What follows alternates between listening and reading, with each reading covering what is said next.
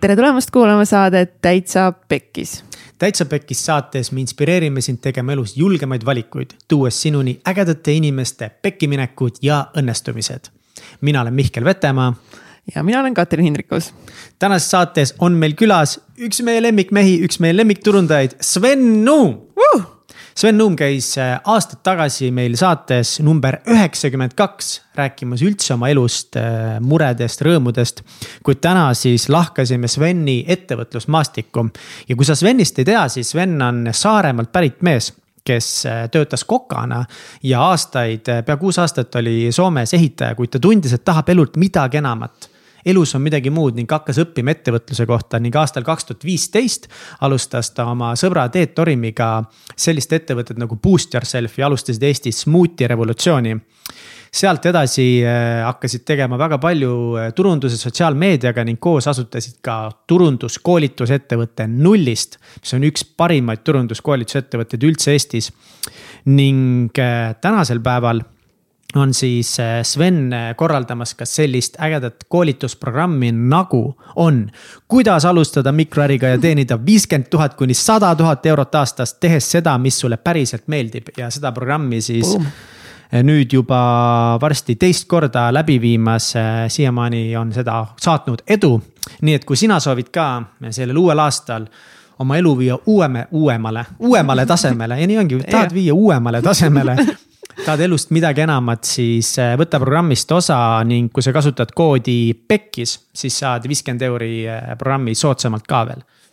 täiega väga vinge saade tuli, äh, tuli Sveniga ja kui see saade täna sind kõnetab, inspireerib, siis jaga seda saadet vähemalt ühe enda, endast sõbraga.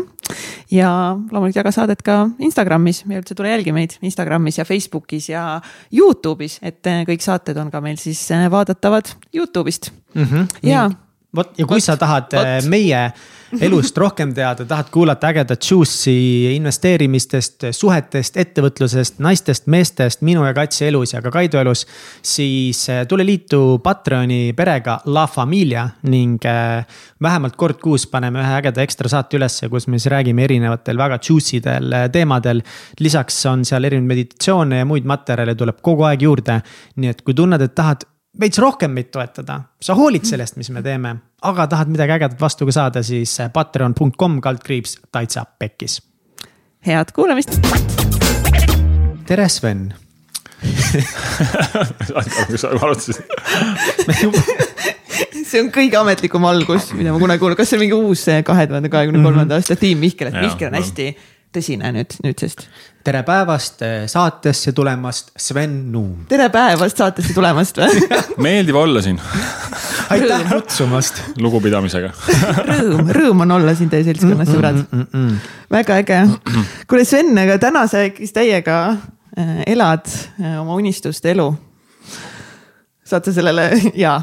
jaa, saade käib noh kaamerad käivad saade käib, kaamerad käivad jaa, ma ise olen sellele mõelnud ja reflekteerinud hommikuti kirjutades, et, äh, et see tõesti oli võimalik. ja, ja luua endale see elu, millest sa siis kunagi raamatutest lugesid või podcast'ist kuulsid. et äh, aga väikeste sammudega, see ei juhtu kohe, see ei juhtu kiiresti, aga väikeste sammudega selles suunas liikudes lõpuks nendest väikestest sammudest saab, saavad suured sammud ja suured muutused mis sinu jaoks üldse on nagu see ideaalne elu või suurepärane elu või elu, millega rahul olla? ma arvan, esimene asi minu jaoks oli see, et äh, üldse endast teha see inimene, see mees, keda ma ise austan, keda ma ise hindan, kellesse ma ise suhtun lugupidamisega. ja minu jaoks oli hästi oluline see, et äh, minu see elukutse, minu töö oleks midagi sihukest, kus ma saan ise olla ka siis nagu inimene, kelle üle ise uhkust tunda ja, ja muidugi teenida piisavalt, et mul on oma tulevikus oma perele võimalik pakkuda. ja, ja teha midagi sellist, see isegi vist, see ei olnud nagu kohe prioriteet, aga noh, see oli ka seal listis, et teha midagi sihukest, mis mulle päriselt meeldib. milles ma oleksin loomupäraliselt tugev kahekümnendatest kuni kolmekümnendani ma seda veel ei teadnud. koolis null tugevust, täiesti, täiesti null ja, ja, ja palgatööl käies ka kümme aastat, siis ma ka seda ei leidnud. muidugi tegin oma asju alati hästi, aga ma ei leidnud seda, mis mul nagu silma särama paneb mm. -hmm. et, et see oli ka kindlasti seal listis veel. aga, aga jah, esimene asi on see, et ise inimesena nagu jõuda sinna. Nice, aga kuidas näeb välja nagu täna üldse sinu päevad või nädalad või et nagu, mis siis eristab nüüd sinu elu ülesehitust võrreldes mingi kümme aastat tagasi, üheksa aastat tagasi? alustades sellest, et ma pean hommikul ummikutes tööle sõitma või kui ma käisin Soomes ehitusel tööl, siis sihuke ilm, nagu meil praegu on, siin talv. Äh, vahest on äh, miinus, ma käisin jõuluturul just, oli miinus üheksa ja tuulega oli miin-, feels like miinus seitseteist siis mu näpud hakkasid külmetama, siis ma tundsin uuesti seda, kus ma olin seal kaksteist tundi õues tööl, kuus aastat järjest on ju. Äh, et ma ei pea tööle hommikul ärgates vaatan aknast välja, mis ilm on, fuck, ma pean tänase ilmaga olema õues tööl. Ja, ja kõik siuksed asjad tegelikult, äh, need inimesed, kellega sa koos töötad, on ju, et see oleks äh, et ma, ma tahtsin väga, et, et see arendaks mind, aga ma tundsin kohati, et ma taand arenen seal, ma seisan lihtsalt ühe koha peal mm, -hmm. ma ei liigu kuskile tegelikult nagu inimesena. seltskond oli väga äge selles suhtes, nalja sai ja nagu, nagu okei okay oli kõik, on ju. aga, ja, ja hommikul ärkamine omas, vabandust, omas rütmis kohvi joomine, et mul on hommikul aega, ma ei pea kuskile kiirustama, ma saan hommikul trenni teha, ma saan hommikul lugeda. ma saan ise valida, mis kellast ma töötan, mulle meeldib varakult ärgata ja, ja ma tunnen hommikul just on see mu kõige produktiivsem aeg. mulle meeldib päeval kell kaks trenni minna. mulle meeldib äh, võtta novembris või veebruaris või millal iganes ma soovin minna kuuks ajaks kuskile soojal maal elama, kui ma tahan võtta aastasse, teha need aastasse neid suvesid juurde või minna teisipäeva lõunal sõbraga kohtuma, ilma et ma peaks kellelegi aru andma sellest, on ju. Mhm. et, et see paindlik tööaeg, asukohast sõltumatus, vabadus Äh, kõik sellised asjad, mis tegelikult, äh, mida, mida mul see palgatöö tegelikult ei võimaldanud siis, et, et äh, ja samas veel teha nüüd siis, teha seda, mida ma, millest ma päris tean ja mis mulle väga meeldib, on ju. et palgatööl ma seda ei tundnud, et või isegi kui see töö nagu meeldis, siis sa ei saanud sellest ikkagi raha või noh, ülemus või keegi ikkagi midagi nagu oli seal nagu valesti mm. -hmm. et, et või mu viimase palgatööl, kus ma pidin sõitma siis hommikuti väga pikalt tööle veel ja sellepärast väga vara ärkama, et noh, sihukest aja raiskamist nagu mõttetult ja siis mingid võib-olla koosolekud või asjad, mis tegelikult millel pole üldse mingisugust nagu mõtet. et äh, aga noh, sel ajal sa ei teadnud seda, siis, siis nagu pidid tegema nii, nagu sulle öeldi. Täna mm., täna ma saan ise otsustada, et, et kuidas ma tunnen, et on õige ja, ja neid asju ja ise planeerida. minuga hullult nagu resoneerub just see, see puhkamine ja oma aja valimine, et mõtlen, et kui ma läksin Taxify'sse tööle äh, Bolti, siis äh, millal iganes, see oli see mu esimene nagu päris töökoht, kus pidi nagu päriselt kohal käima ja. ja nagu mingi päris maailmas elasin. enne seda ma olen mingeid projekte teinud ja asju, et ma ei olnud kunagi nagu päris töö asja kogenud, et siis see järsku, et sulle kolmkümmend päeva on nagu puhkamiseks aastas ja nüüd sa pead selle veel nagu täpselt nagu mingi süsteemi järgi ka ära panema, et tänapäeval on niimoodi, et sul peab olema see üks kahenädalane üks nädalane ja siis ülejäänud sa saad nagu et noh, vist saab mööda seda, aga Helmes samamoodi nagu oligi, et noh, et jah, et ma pean ühe kahenädalase võtma ka ja siis. sa vaatad terve aasta ette ära ja nüüd sa pead sinna panema oma need neli nädalat ära, kus sa siis puhata saad. Ja see oli küll, ma vaatan esimest korda, kui seda vist Taxify's pidin tegema või kuidagi seal nagu. ma mäletan ka Helmes, ma eriti mäletan seda hetke, et nagu mida fuck'i nagu, et esiteks seda on suht vähe ju ja ma pean mm -hmm. praegu ära otsustama nagu. ja siis ei saa ka alati just sel ajal, kui sa nagu sooviksid. väsin, ma tahan veel puhata, mis siis saab? ma ju väsin ära vahepeal. ja, ja siis sul ongi see nädal, see on väga hea, et sa räägid, siis on nädalane puhkus või kaks nädalat. okei okay,, esimene nädal naudid seda, kui see on kaks nädalat, siis teine nädal, oh kurat, ma pean juba tööle minema. ja üks, ma ei mäleta, kes seda ütles, aga üks mõned sellised tsitaadid, tsitaadid, mis on minuga nagu kaasas käinud või kuidagi inspireerinud äh, sügavamalt, on see, et loo endale elu, millest sa ei pea puhkust võtma ehk siis sisuliselt tähendab see esiteks seda, et äh, sa teed seda, mis sulle päriselt meeldib, et sa ei tunne, et see töö on, on ju. ja, ja siis äh,, kui sa seda puhkust saad ka veel sinna juurde võtta, noh siis sa saad teha täpselt nautida seda nii nagu, aga sa ei, sul ei ole seda äh,. kui ma näiteks olen tuttavatega rääkinud, et mina puhkangi niimoodi, et enamasti teen natuke ikka mingeid oma asju või ma teen neid asju, milleks mul võib-olla näiteks kui mul mingi tihe koolituste periood on, pole aega siis teha olnud, on ju, et aga et ei ole sihukest hetke, et ma nüüd tulen puhkuselt ära ja siis mul on kogunenud mingi selline virne asju sinna, on ju. ja noh, mis, kujuta ette, mis stressi ja ärevust see hakkab tekitama juba enne seda, kui sa puhkust ära lähed, on ju. või sul, sa juba tead, et need asjad on kuhjunud, kuhjunud, kuhjunud. sest puhkusel sa ei saanud teha midagi, on ju, sest sa olidki puhkusel või välismaal kuskil, on ju. Mhm.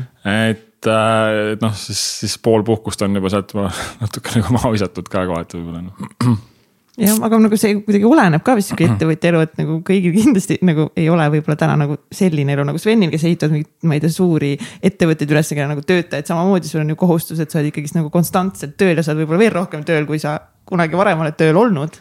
Absoluutselt, eks äh, ümberringi ka vaatan, praegu on eriti keerulised ajad tegelikult, eks ole väga palju koondamisi on, väga palju on ettevõtetel kohustused tõusnud, on need siis elektrikulud või asjad, eks ole, tarneprobleemid, mida me ise samamoodi Booster Selfis tundsime.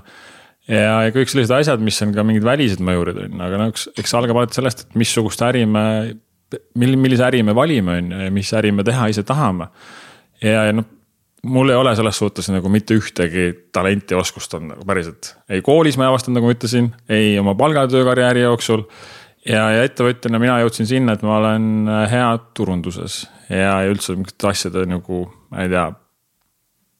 ma näiteks, äh, noh, ma näen mingit, mingisugust sihukest pilti, mida peaks tegema, kus, mis need tooted on millele pole oma aega vaja raisata, millele, kus peaks oma fookust panema, noh, see on tulnud muidugi aastatega, et see alguses ma kindlasti seda ei näinud ja seal oligi sihukest nagu tegemist palju.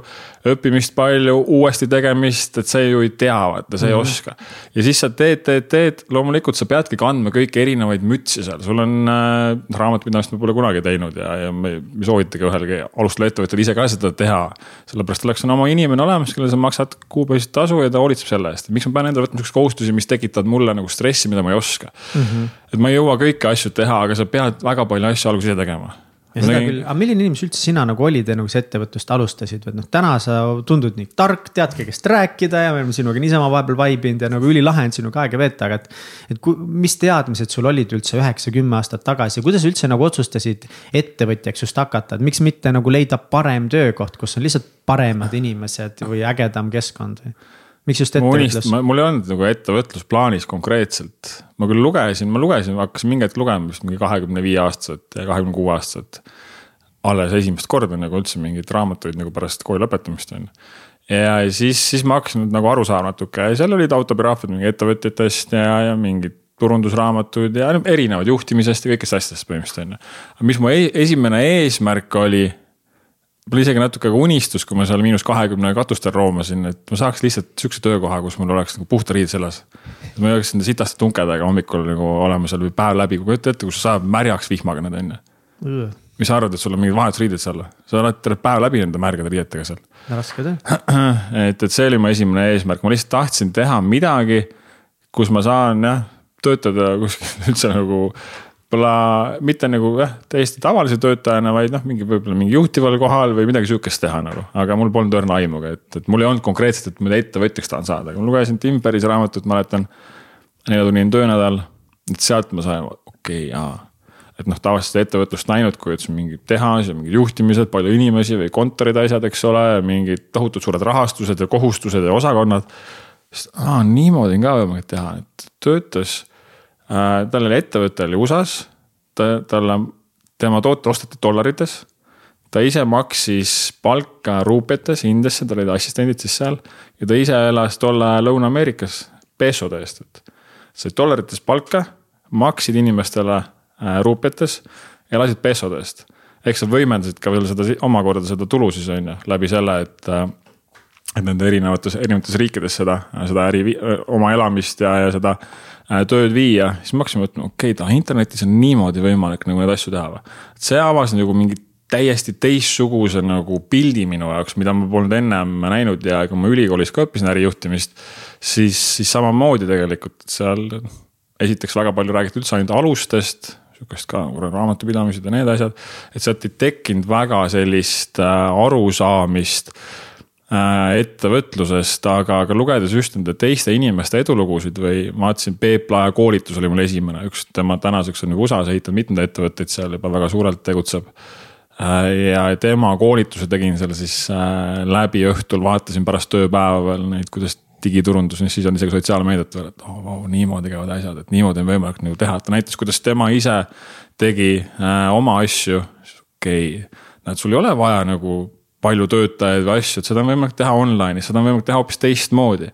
et need inimesed avasid minu jaoks esimest korda nagu selle teistmoodi ettevõtluse võrreldes mm, -hmm. mis ma siin muidu olin ümberringi näinud siis et see ongi sihuke raske ja palju kohustusi ja kogu aeg mingid jamad ja tulekahjud on ju. eks me Booster Chef'is kindlasti nägime seda ka, et äh, olidki ka tootmisega on nagu teised teemad on aga kuidas sa alustasid siis oma esimest ettevõtet, mis see teekond oli sinu jaoks, sa tulid täitsa töölt ära või töö kõrval? esimest ettevõtlust ma, et, ettevõtte alustasime Teeduga koos oli leven.ee, söögikohta portaal, see on siiamaani alles. viiekümne eurost ostsime Wordpressi veebilehe valmiskujunduse tegin Photoshopis esimese logo ja tegime söögikohtade portaali, sest me nägime, et üks portaal oli, kes küsisid kakssada eurot aastas restoranide eest selle eest. Ja seal oli, ma ei mäleta, mingi sada restorani, päris nagu okei okay, sissetulek. probleem oli seal see, et äh, seal kõik ei olnud valmis maksma selle eest ja siis oli Kuressaares oli nelikümmend söögikohta tol ajal ja üleval oli ainult üks, on ju, kes oli valmis maksma, ütles, kuule teeme tasuta siis on ju. teeme sihukese portaali ja siis vaatame hiljem, mis, mis me siia juurde siis äh, nagu äriliselt saame mõelda. Ja tegimegi selle, see läks väga hästi käima, mingi kümme tuhat külastust kuus ja siis poole aasta pärast me istusime juba Delfi juhtkonna laua taga seal, tahtsid nagu meid liita ka sinna enda, enda üheks jalaks äh, nagu alkeemiad ja asjad on ja siis vaatasin, vau, nüüd saamegi siin juba kuradi startup'i edukateks startup eriteks kohe kiiresti on ju, et kas. kaua, kaua see aega võttis, kas sa tulid selle jaoks töölt ära või? Äh, seda ma hakkasin tegema juba, siis ma läksin, kui ma pakkisingi, kui ma sealt oma ehituselt ära tulin töölt, siis ma pakkisin oma elu kümnekilosesse seljakotti. Ja ostsin ühe otsa pileti Filipiinidele, läksin Austraaliasse, töötasin seal, Austraalias töötasin kokana siis, kuna ma olin kokaks õppinud. Äh, õnnestus veel Hiltonisse tööle saada. ja selle kõrvalt siis hakkasime juba ehitama. et kogusid natukese raha endale? jah, ma olin hommikusöögiks tööl, ärkasin neljast ülesse. neljast äh,? neljast, tegime Teeduga kõne hommikul pool tundi veel, sest tal oli õhtul kell kümme okay.. arutasime mingeid asju, pärast tulin koju kella kolmest, siis hakkasin ehitama. Ja samal ajal kui teised pidutsesid seal ja möllasid, siis ma ehitasin seda Levenit, lugesin raamatuid. sest ma teadsin, et ma, ma läksin, võtsingi sihukese restardi aasta enda jaoks. ja siis ma läksin, reisisin Aasias, elasin Kambodžas ja Tais ja Filipiinidel veel mitu kuud seal ja samal ajal ma siis ehitasin seda kogu aeg. jällegi noh, siis ma alustasin nagu täiesti niimoodi, et ma ei teadnud mitte midagi, esimese WordPressi kodulehe, kõik asjad, kõik asjad, iga asi, mis ma tegin, oli, kõik nagu. oli uus, kõik oli nullist põhimõtteliselt on ju. ja siis ma tulin Eestisse ja siis me nagu lansseerisime selle ja, ja siis hakkasime seda tegema. aga siis juba tekkis tegelikult kõrvale ka meil siis järgmine idee, see Booster Chef, sest ma olin neli aastat smuutisid olnud selleks ajaks samal ajal. et, äh, et, et siis tuli juba see kõrvale ja me Eleveniga me ei ei leidnud ka sellist äriväljundit konkreetselt, et mingisugust nagu toodet, mida seal siis müüa. et, et oli nagu hea portaal ja inimesed käisid, inimeste jaoks oli see kasulik, huvitav. Siis me müüsime maha selle mingi kümne tuhande euro eest, et sellest. kümne tuhande eurost jah? sellest kahesajast tuhandest, mis Teet äh, planeeris, mis ma plaanisin Delfi käest küsida, noh selles suhtes, et nagu kaks sotti ei ole ka palju ju, et töö oli see, mis me tegime, me panime kuussada söögikohta ükshaaval sinna portaali sisse nagu kõik kellaajad, kõik kodulehed, menüüd, pildid, mis vähegi saada oli ikka kõva töö selles mõttes. ei, retsi töö tegime ära nagu meil oli nagu, teadsime, tahame midagi teha ja see tundus, tundus nagu idee ja see idee, ideena toimiski tegelikult, aga äriliselt me ei suutnud sinna taha mõelda siis. ja me ei, noh, oleks ilmselt võinud ka mingid broneeringute süsteemid ja asjad, mingi tohutu arenduskulu sinna veel juurde panna, on ju. aga siis me nägime booster shelf'i juba hakkas, hakkas see idee tekkima ja siis mõtlesime, et tegelikult, et järjeks edasi anda see kellelegi. ja, ja me nägime selle suuremat potentsiaali noh, see potentsiaal oli ka selles suhtes, me arvasime, et vau, et kui kümme tuhat eurot kuus selle Bootstrap'i käive oleks, et siis oleks nagu üle mõistuse. kümme tonni kuus. kümme tuhat, noh, me oleme mõlemad palgatöötajana, ma küll seal Soomes teenisin mingi kolm tuhat eurot kuus.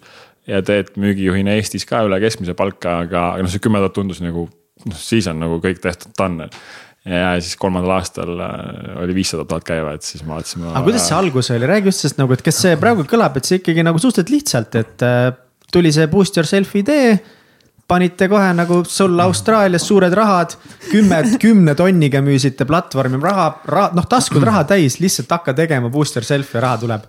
jah, see kümme tuhat äh, ei olnud nagu suur summa, ei ole ka väike summa, aga arvestades, mis me sinna tööd sisse panime, et siis, siis tegelikult noh, ilmselt seda tööraha me ei saanud sealt, et äh, arend-, me ehitasime pärast teise veebilehe versiooni ka, kui me nägime, et see on nagu esimene versioon. Läks inimeste peale, siis me võtsime endal ka Rumeeniast nagu Tim Ferris õpetas. Indiast proovisin ka, kui ma olin Tais seal, aga see, see asi ei õnnestunud, et sealt pead väga hästi oskama valida. et see päris, päris nii lihtne ei olnud, et, et nad on küll seal hästi ütlevad, et kõiki asju nad oskavad teha, aga tegelikult ei ole, aga Rumeenia kutid tegid meile kolme tuhande eurost uue lehe, täiesti nagu nullist uue WordPressi lehe, mis on väga soodne ja, ja siis hakkasime boost'i tegema.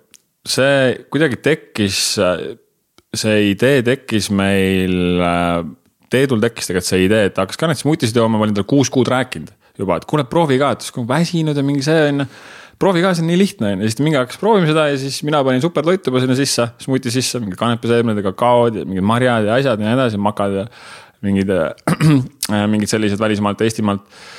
siis ta ütles, et ma olin Austraalias näinud neid sarnaseid tooteid, on ju, ütles kuule, et vau, siin võib nagu midagi olla, on ju. et, et ja siis me hakkasime tegema ja siis ka, ega meil me olime juba päris palju raha ära kulutanud Elevenisse, minu see säästetud raha ka Austraaliast, mis meil oli seal mingi kümme tuhat eurot või mida, mida iganes on ju. Mhm. Äh, et see oli ka juba suhteliselt piiri peal seal, et noh, me olime juba esimesse projekti pannud. aga Booster Chef me alustasime ka vist mõlemad panime üheksasada eurot. üheksasada eurot. üheksasada eurot, ise tegime kodulehe.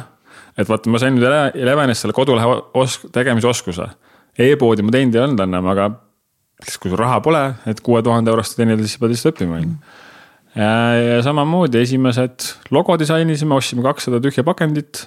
kõige kallim asi oli üks kott siiaseemneid, äh, mis me pidime tellima, sest seda ei saanud tellida väikse pakiga. ja, ja siis me tegime esimesed kakskümmend viis pakki tegin oma köögis. ei olnud selles suhtes lihtne. aga kus sa üldse elasid sel ajal? Äh, mis ma elasin ühetoales korteris Kuressaares, mul oli iga hommik algas kella kuuest, siis mul oli diivan, arvutilaud, mille ma ise ehitasin, siis Baupost ostsin kaks Äh, sihukest laia äh, lauda. panin need kruvidega kokku, kaheksateist euro eest äh, oma MacBooki sinna peale ja hakkasin ettevõtjaks siis. ja õhtul vaatasin natuke telekat, läksin hommikul magama ja, ja vahepeal käisin, jooksin kilomeetri või tegin oma kümme kätega võrdlust, sest tol ajal ma rohkem ei jaksanud, sest ma polnud trennis käinud enam. Ja sihuke, sihuke ring käis, et ja esimesed pakid tootsin ka booster. kaua sa päevas töötasid siis tol ajal? no ikka pikalt ja, ja see, ma ei saa seda kõike öelda nagu töö, sest seal oli ka väga palju pidevat sihukest enesearengut, et noh, mingi luge-, lugesin alati raamatuid, asju, siis äh,. siis ma hakkasin tegelikult tegema sotsiaalmeedia haldust äh, teistele ettevõtetele, et äh, õppisin natukene pildistamist. kuidagi lihtsalt, ma ei tea, kus see isegi tekkis. Ja, siis ma esimene sissetulek täpselt sel ajal tekkis, kui ma booster shelf'i tegin äh, sest Elevenis me oleme hästi palju kokku, kokku puutunud erinevate söögikohtadega, on ju, et äh, neile meeldis, mis me tegime ja siis nad tahtsid muidugi ennast promoda ja siis ma hakkasin natuke tegema mingeid pildistamisi ja sotsiaalmeedia haldust. et ma teenisin sealt siis mingi paarsada eurot kuus, kakssada eurot kuus. kakssada euri kuus teenisid, mis oli sinu kuluraha põhimõtteliselt nagu või? noh, see oli see, et ma tegin siis teistele ettevõtete sotsiaalmeedia mm -hmm. postitusi, aga see oli minu jaoks nii suur asi, sellepärast et esimest korda elus ma teenisin seda ettevõtjana oma ajudega, mitte oma käte ja jalgadega mm. -hmm. ja see minu jaoks nagu, et kui ma selle nagu sain, siis mul oli, et okei okay,, nagu siit on nagu kõik võimalik. Et, et kui ma teadsin, et kui üks ettevõte maksab mulle kakssada eurot, siis järg, siis on valmis veel maksma, on ju, ja siis ma sain juba järgmise ettevõtte äh, nelja, neljand maksid juba nelisada eurot, et ma, ma samal ajal, kui ma siis Booster Safe alustasin. ma lõin omal siis teise sissetuleku kõrvale, pakkudes siis sotsiaalmeedia haldust. aga miks sa tegid seda? et mul oleks endal elamiskulud äh, kaetud, et me saaksime ettevõtte heita, sest me teadsime, et sealt kohe ei hakka raha teenima, ei hakanudki. esimese kuu müügid olid kolmsada seitse eurot ja siis meil läks veel pool aastat aega, me jõudsime. Ma ei tea, mingi paari tuhandeni või, või viie tuhandeni, midagi sihukest, et noh, läks ikka aega, siis me hakkasime nagu turundust õppima, copywriting ut ja asja ja, ja Facebooki reklaam, et noh, kuidas üldse nagu oma tootest rääkida, kuidas seda turundada et see pani omakorda siis nendes äh, valdkondades, suundades veel arenema, et, et õppima uusi oskuseid siis no.. ja siis me jõudsime jah, esi- mm,, ma ei mäletagi. Võib-olla teine, teisel aastal jõudsime saja tuhandeni või aasta, aasta aja pärast, pärast lansseerimist, midagi sihukest, noh, ühesõnaga. me hakkasime tegema äh, smuuti väljakutsed, kus osales siis erinevad Eestimaa kuulsused, asjad, noh tuhandeid inimesi, võib-olla seal isegi vahepeal oli rohkem nii et banaanid ja spinatid olid poest otsas, Selveri, Selveritest otsas nagu, ilma naljata. aga mis, mis sellised mingid hirmud või mured, väljakutsed sul alguses olid, et. Äh, no ma saan aru, et üks asi muidu oli see, et sa lihtsalt hoidsid omaenda kulud hästi all. elasid väga askeetlikult vist, äh, kui seal Kuressaares ühetoalises. aga olid mingid hirmud või mured ka alguses, et noh, kas see tuleb välja või et äkki peaks tööle hoopiski minema, et saaks rohkem raha? loomulikult, sellepärast et ma ei pidanud ennast kunagi meie ettevõtjaks, et isegi mitte mingiks targaks inimeseks nagu kunagi ma. noh, see ilmselt koolist tuli ka kaasa natuke, sest vaadati koolis, et nagu ja, tõesti, mis sinust, mis sinust saada võib siin, keegi, keegi ei osanud öelda. ja, ja muidugi olid selles suhtes, et sa ju ei teadnud, aga sa hakkasid nägema neid esimesi väikseid võite. et ka selle Eveniga, mis me tegime, et kurat, me jõudsime nagu Need kaks meest äh, jõudsid nagu Delfi juhtkonna laua taha nagu läbirääkimistele on ju, vahet pole, et seda diili tulnud sealt aga no see oli suur asi, on ju, et ma hakkasin sotsiaalmeediat tegema ja, ja siis sõbral hakkasin veel tema e-commerce'i ettevõttel tegema seal Facebooki reklaame. ja, ja vaata need kõik need väiksed asjad, on ju, et sa hakkasid nagu natukene pildile jõudma oma tegemistega, on ju ja, ja, ja Booster Selfie'ga ka, et, et siis juba Saaremaa Arenduskeskus kutsus meid mingi aeg seal rääkima, et kuidas te sotsiaalmeediat teete, et rääkige teistele Saaremaa ettevõtjatele ka, on ju. ettevõtlusnädal või, või päevad, mis seal olid need kõik tõstsid sul seda sisemist nagu enesekindlust ka nagu, et tõesti, ma teen midagi nagu õigesti ja hästi. ja loomulikult neid hirme oli, mul oli hirm ka selles suhtes see, et äh, Teet pidi mingi hetk ära tulema töölt nagu, töötas müügijuhina suures ettevõttes ja, ja, ja. ja miks tema töötas kuskil mujal? Ta töötaski seal kogu aeg, äh, ta oli, ta oligi varasemalt töötanud müügijuhina mm. -hmm. ja noh, siis mingi aeg ta ülemus ütles ka, et kuule, et poiss, et nagu siin Elevenit teete juba, et noh, fine see, aga siis juba Booster Self ka ajalehes oli, et kuule, et nüüd vist nagu anna aega lõpetada see töösuhe, et, et sul on juba muid asju kõrval siin. ja, siis temalt võeti, tal oli ju laps ja tööauto, üürikorter Tallinnas, mul ei olnud raha, et üürikorter võtta Tallinnasse. mul oli Kuressaares ühetoaline korter aga, aga see viis-kuussada eurot sel ajal, nagu see tundus täiesti üle mõistuse palju, ma, ma ei teeninudki nii palju raha, on ju, kus ma veel võtan mingid kommunaalid maksta juurde sinna, ma magasin reaalselt oma venna diivani peal ja Teedu diivani peal nagu mitu aastat. oota, aga sul oli oma korter ju? Kuressaares jah yeah., ma Tallinnas käisin ah,, ma ei, ma ei saanud võtta omal mm -hmm. nagu.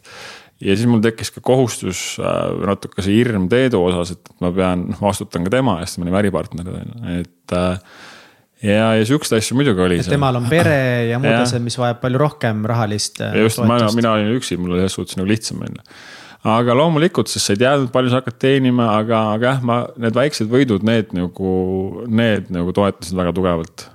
et, et äh, jah, see võib aega võtta, aga ma vähemalt nagu liigun õiges suunas, on ju. ja Booster Selfie'ga jah, siis esimesed aasta oli ikka noh, pool, pool aastat tootearendust, pool aastat veel nagu põhimõtteliselt väga vähe müüke, on ju. et siis alles hakkasid nägema, et, et äh, me olime aasta teinud siis Elevenit põhimõtteliselt ja siis aasta Booster Shelfi, kaks aastat siis kokku, on ju pluss enne seda ettevalmistusperiood ka, kus ma siis tegin neid kursused, asju, õppisin, on ju, siis ma tegin seal Soomes ka erinevaid kodulehti proovisin teha ja noh, niisama. ma nägin, et ma ei tea mitte midagi, mul on vaja õppida uusi oskuseid. mul on vaja vaadata, mida need inimesed teevad, kes täna elavad seda elu, mida mina tahan elada, on ju. oli see Peep Laja siis või oli see Tim Ferris, eks ole. või teha selliseid ettevõtteid, on ju. ja siis ma ostsin nagu neid kursuseid ja vaatasin, lugesin neid raamatuid ja kuulasin audiobook'e, kuulasin Soomes. kui ma olin seal öövahetuses, Tony Robbinsi raamatut. aru ei saanud kõigist asjadest, MP3 või tõmbasin, siis pidi MP3-e tõmbama kuskilt torrentist veel. esimest mingi nutitelefoni, tundub nagu vau, kui vana ma olen praegu et see ei olnud niimoodi, et ma loen mingist Kindlist või kuskil audiopeast kuulan, on ju, et, et salvestab sulle ära kõik ja nagu, mis on järgmine raamat, mis sa tahaksid lugeda, siis pidid oma MP3-na sinna. PDF-i laadid alla, mingi zoom'id sisse järjekorras, pole selles suhtes, et. ja, ja ma vabal ajal ma kasutasin kõik need hetked ära ja kui ma olin näiteks seal Tais ka elasin äh,. siis Brian Tracy või keegi ütles väga hästi, et äh, või Siig Siiglar vist oli, ütles, et äh, kasuta igat võimalust ära kus sa seisad järjekorras või sõidad autoga või lennukiga või bussiga. või jalutad või teed trenni, hari ennast sel ajal, on ju. et äh, pööra need minutid enda kasuks ja siis ma hakkasin kuulama hästi palju erinevaid seminare ja audioraamatuid ja igasuguseid salvestatud, mis iganes kõne, kõnesid proovisin ahmida nagu sest ma teadsin, et ma fucking olengi nagu rumal, mul ei olegi oskuseid, ma pean ennem nagu ma peangi selle pea sõna otseses sita sisse pistma. ja üldse, et ma võiks selle noka sealt välja uuesti pista ja midagi hakata rääkima mingist asjadest on ju. et, et sellest ma sain aru ja see ilmselt tegi nagu lihtsamaks selle mm. -hmm. minu jaoks endaks ka, et, et, et jah, ma teadsin, et ma ei tea väga palju väga palju midagi tegelikult on ju. eks see oligi nagu väga palju pingutama selle nimel nagu arvestades, et, et, et, nagu... palgatööl ja igal pool, et sa oled ikkagi hästi palju, sa hästi töökas absoluutselt, et mul see omadus mul oli küll palgatööst, et ma isegi seal äh, Soomes või köögis, ükskõik kus ma tööl olin, köögis ka kohati kaheksateist tunnised päevad, noh tohutu raske nagu, rets, sul ei ole aega süüa ka vahepeal nagu iseendasse, töötad kokana, sul ei ole aega süüa nagu. väga raske elustiil, nagu väga raske elustiil. ja, ja siis sa, ja aga, aga see, see töökus oli mul alati sees, see mingisugune sihuke kohusetunne et ma tegin alati, ükskõik mis tööd ma tegin, ma alati proovisin endast parima anda nagu, et, et need väiksed detailid sinna juurde sellepärast, et äh, see, mida, mismoodi sa mingit asja teed, see teeb, ta väga palju ütleb tegelikult, mida sa kõike nagu teed, on ju. et, et äh, kui sa käid, Mihkel läheb siin WC-sse, laseb selle ääre täis. ja ta ära ei pühi, on ju. siis tegelikult see ütleb seda sinu kohta, mismoodi sa muid asju ka oma elus teed tegelikult. ei no tegelikult on. on küll, mis inglise keeles see väljendab mingi, et how you do Something is how you do anything. üks mul oli üks yeah. äh, Circle K-s läksime võtma kohvi ja siis mingi vend tuli sinna ja kuradi ajas kogu selle laua oma kohvi täis. ta võttis uue topsi, siis läks jalutas minema, isegi ei öelnud kellelegi, ma ütlesin no. aga sa, sa ütlesid, et ühesõnaga sa olid aasta aega teinud Elevenit, nüüd aasta aega Boost'i. et kaks aastat nagu ettevõtlust äh, väga tõsiselt äh, pühendades kõik oma vaba aja sisuliselt enda arengu või ettevõtte ehitamise peale noh, kõik raha, mis teil nendes ettevõtetes tulid ja te investeerisite põhimõtteliselt peaaegu kõik ettevõttesse tagasi, eks ole. mis see punkt siis nagu kahe aasta pärast oli? Kahe aasta pärast oli punkt C ja veel kolmas aasta ka, et ma tegin sotsiaalmeedia haldust teistele ettevõtetele, sealt teenisin raha. ja, ja Teedul oli ka seal alguses, noh ta ostis, see Eleven osteti ära ja siis ta töötas seal natukene edasi veel mingi aja, et seda siis veel käivitada seal ka ja mina tegin sotsiaalmeedia haldust äh, mingi hetk seal, ma ei tea, viiele või seitsmele ettevõttele, midagi sihukest, et, et ma teenisin nagu sealt oma mingi tuhat, tuhat viissada eurot. ja, ja veel päris mitu aastat nagu. Et ma saingi aru seda, et see on nagu okei okay ja see samas tõmbas natuke pinget maha ka tegelikult. et äh, sest me tahtsimegi võtta boost'i töötajaid juurde, on ju, et äh, ja investeerida sinna, et me saaks siis natukene edasi kasvada ja areneda seal ma arvan, et see ongi nii tegelikult. aga see et, oli üllatav ka, et te nagu jõudsite boost'iga ikkagi suhteliselt kiiresti juba suurte käiveteni. üllatas küll ja, ja see tuli kõik läbi turunduse tegelikult. et äh, neid supertegusid oli ennem ka müügil poes, aga kuidas me seda tegime, kuidas me sotsiaalmeediat tegime. Kuidas me inimesi, me ei müünud seda supertoidu segu, vaid me müüsime tervislikku elustiili. On ju, kuidas üks smuuti päevas tegelikult sinu energiat parandab, sinu enesetunnet parandab, sinu tervist tugevdab. Et me ei rääkinud sellest segust, vaid just sellest nagu tulemusest, mis see inimesele annab. Ja, ja läbi turunduse siis me saime aru, et, et hästi oluline on see, et kuidas sa oma tootest räägid, on ju. ja muidugi, mis su ka see kavatsus seal nagu taga on, et päriselt inimesi aidata, on ju, et äh, kõik, kuidas me panime nende pakkide kaasa need need väiksed äh, nimesildid ja asjad ja mingid head soovid ja smuuti retseptid, mida nagu ükski teine samal ajal, kes müüsid poes null õpetust, lihtsalt pane vee sisse, joo seda nagu, mis on hästi rõveda maitsega on ju, kogu lugu on ju. noh, loomulikult ma seda toodet enam edasi väga ei osta, sellepärast et see, see elamus, see kogemus ei olnud väga hea, on ju. või need smuuti väljakutsed, noh keegi, keegi palunud meil neid teha, on ju. aga me tahtsime teha nagu, et me tahtsime, meile nagu meeldis see, me tahtsime sihukest ägedat turundust teha. Et siis ma sain ka aru, kui oluline on ettevõtlusturundus tegelikult ja, ja mis ma nüüd täna, olles siis peaaegu kümme aastat ettevõtja olnud ja koolitanud tuhandeid teisi Eesti ettevõtteid, väiksemaid ja suuremaid. kui suur takistus on täna turundusettevõtetel, väga palju alustavatel ettevõtjatel just. et, et need inimesed ei tule sinu juurde, kui sa arvad, et nüüd sul on, tegid mingi suurepärase toote valmis ja see toode võibki väga hea olla, meil oli ka jumala eest nagu fucking tervist nagu, mis on veel olulisem nagu elus on, ikka mm -hmm. raske müüa nagu ikka raske müüa selles suhtes, et inimesed ei tule iseenesest sinu, sinu juurde uksele koputama. sa pead selle sõnumi kuidagi inimestele saama, ükskõik mis kanalit pidi siis, on ju et, et siis me saime sellest aru ja siis, siis tuligi nullist turunduskool ka tegelikult, et teised ettevõtted hakkasid meie käest küsima, et kuidas sotsiaalmeediat teete. aga kuidas, kuidas teie siis, kuidas sina õppisid seda turundust, kuskohast või katsetasid, vaatasid, kuidas mujal tehakse? Hästi palju lugesin äh, erinevaid neid raamatuid, asju, mismoodi tehti, blogisid asju, teisi koolitusi ostsin, noh, ma väga palju investeerisin iseendasse ka siis, et võtsin igasuguseid kursuseid, asju, mis ma vähegi sain nagu. et äh, ma teadsin, et, et mul on vaja neid oskuseid. ja siis ma sain hakata neid praktiseerima ka. et, et äh,, et ka see, see mõtteviis ja asjad turunduses, sest kui me ülikoolis käisime, õppisime ärijuhtimist. turunduses olid sa, lõpetasin teoreetik meil oli terve selle kursus või terve selle äh, minu siis selle programmi peale kokku oli vist kaks praktikut. ja, ja turunduses õppisid teoreetilikult turunduse aluseid. on ju, luged selle Phil Cottoni raamatu läbi küll, saad aru mingitest asjadest, aga no kuidas midagi teha, sealt väga, väga nagu ei tule, on ju äh, ja, ja noh, internet, Youtube, asjad selles suhtes, kui no Google on olemas, et, et, et leiab neid vastuseid ja, ja muidugi see ise, ise praktiseerimine, et sa paned, sa teed midagi, sa paned välja selle, sa näed, et see üheksa superdud üheks pakis see reklaamsõnumiga noh ei toimi. mulle nagu, mis siis, et need üheksa seal ühes pakis on, on ju. klient tahab teada, mis tema jaoks see tulemus seal on. et seal tuli välja siis, siis vaatasin, et vau, turunduse noh, oskasid teha Instagrami ja Facebooki aa, copywriting, väga huvitav, et see on, kuidas neid müügitekste, reklaamtekste kirjutatakse, et inimene. Mitte, et sa nagu ei manipuleeri ostma teda, vaid et ta saab aru sinu tootest üldse.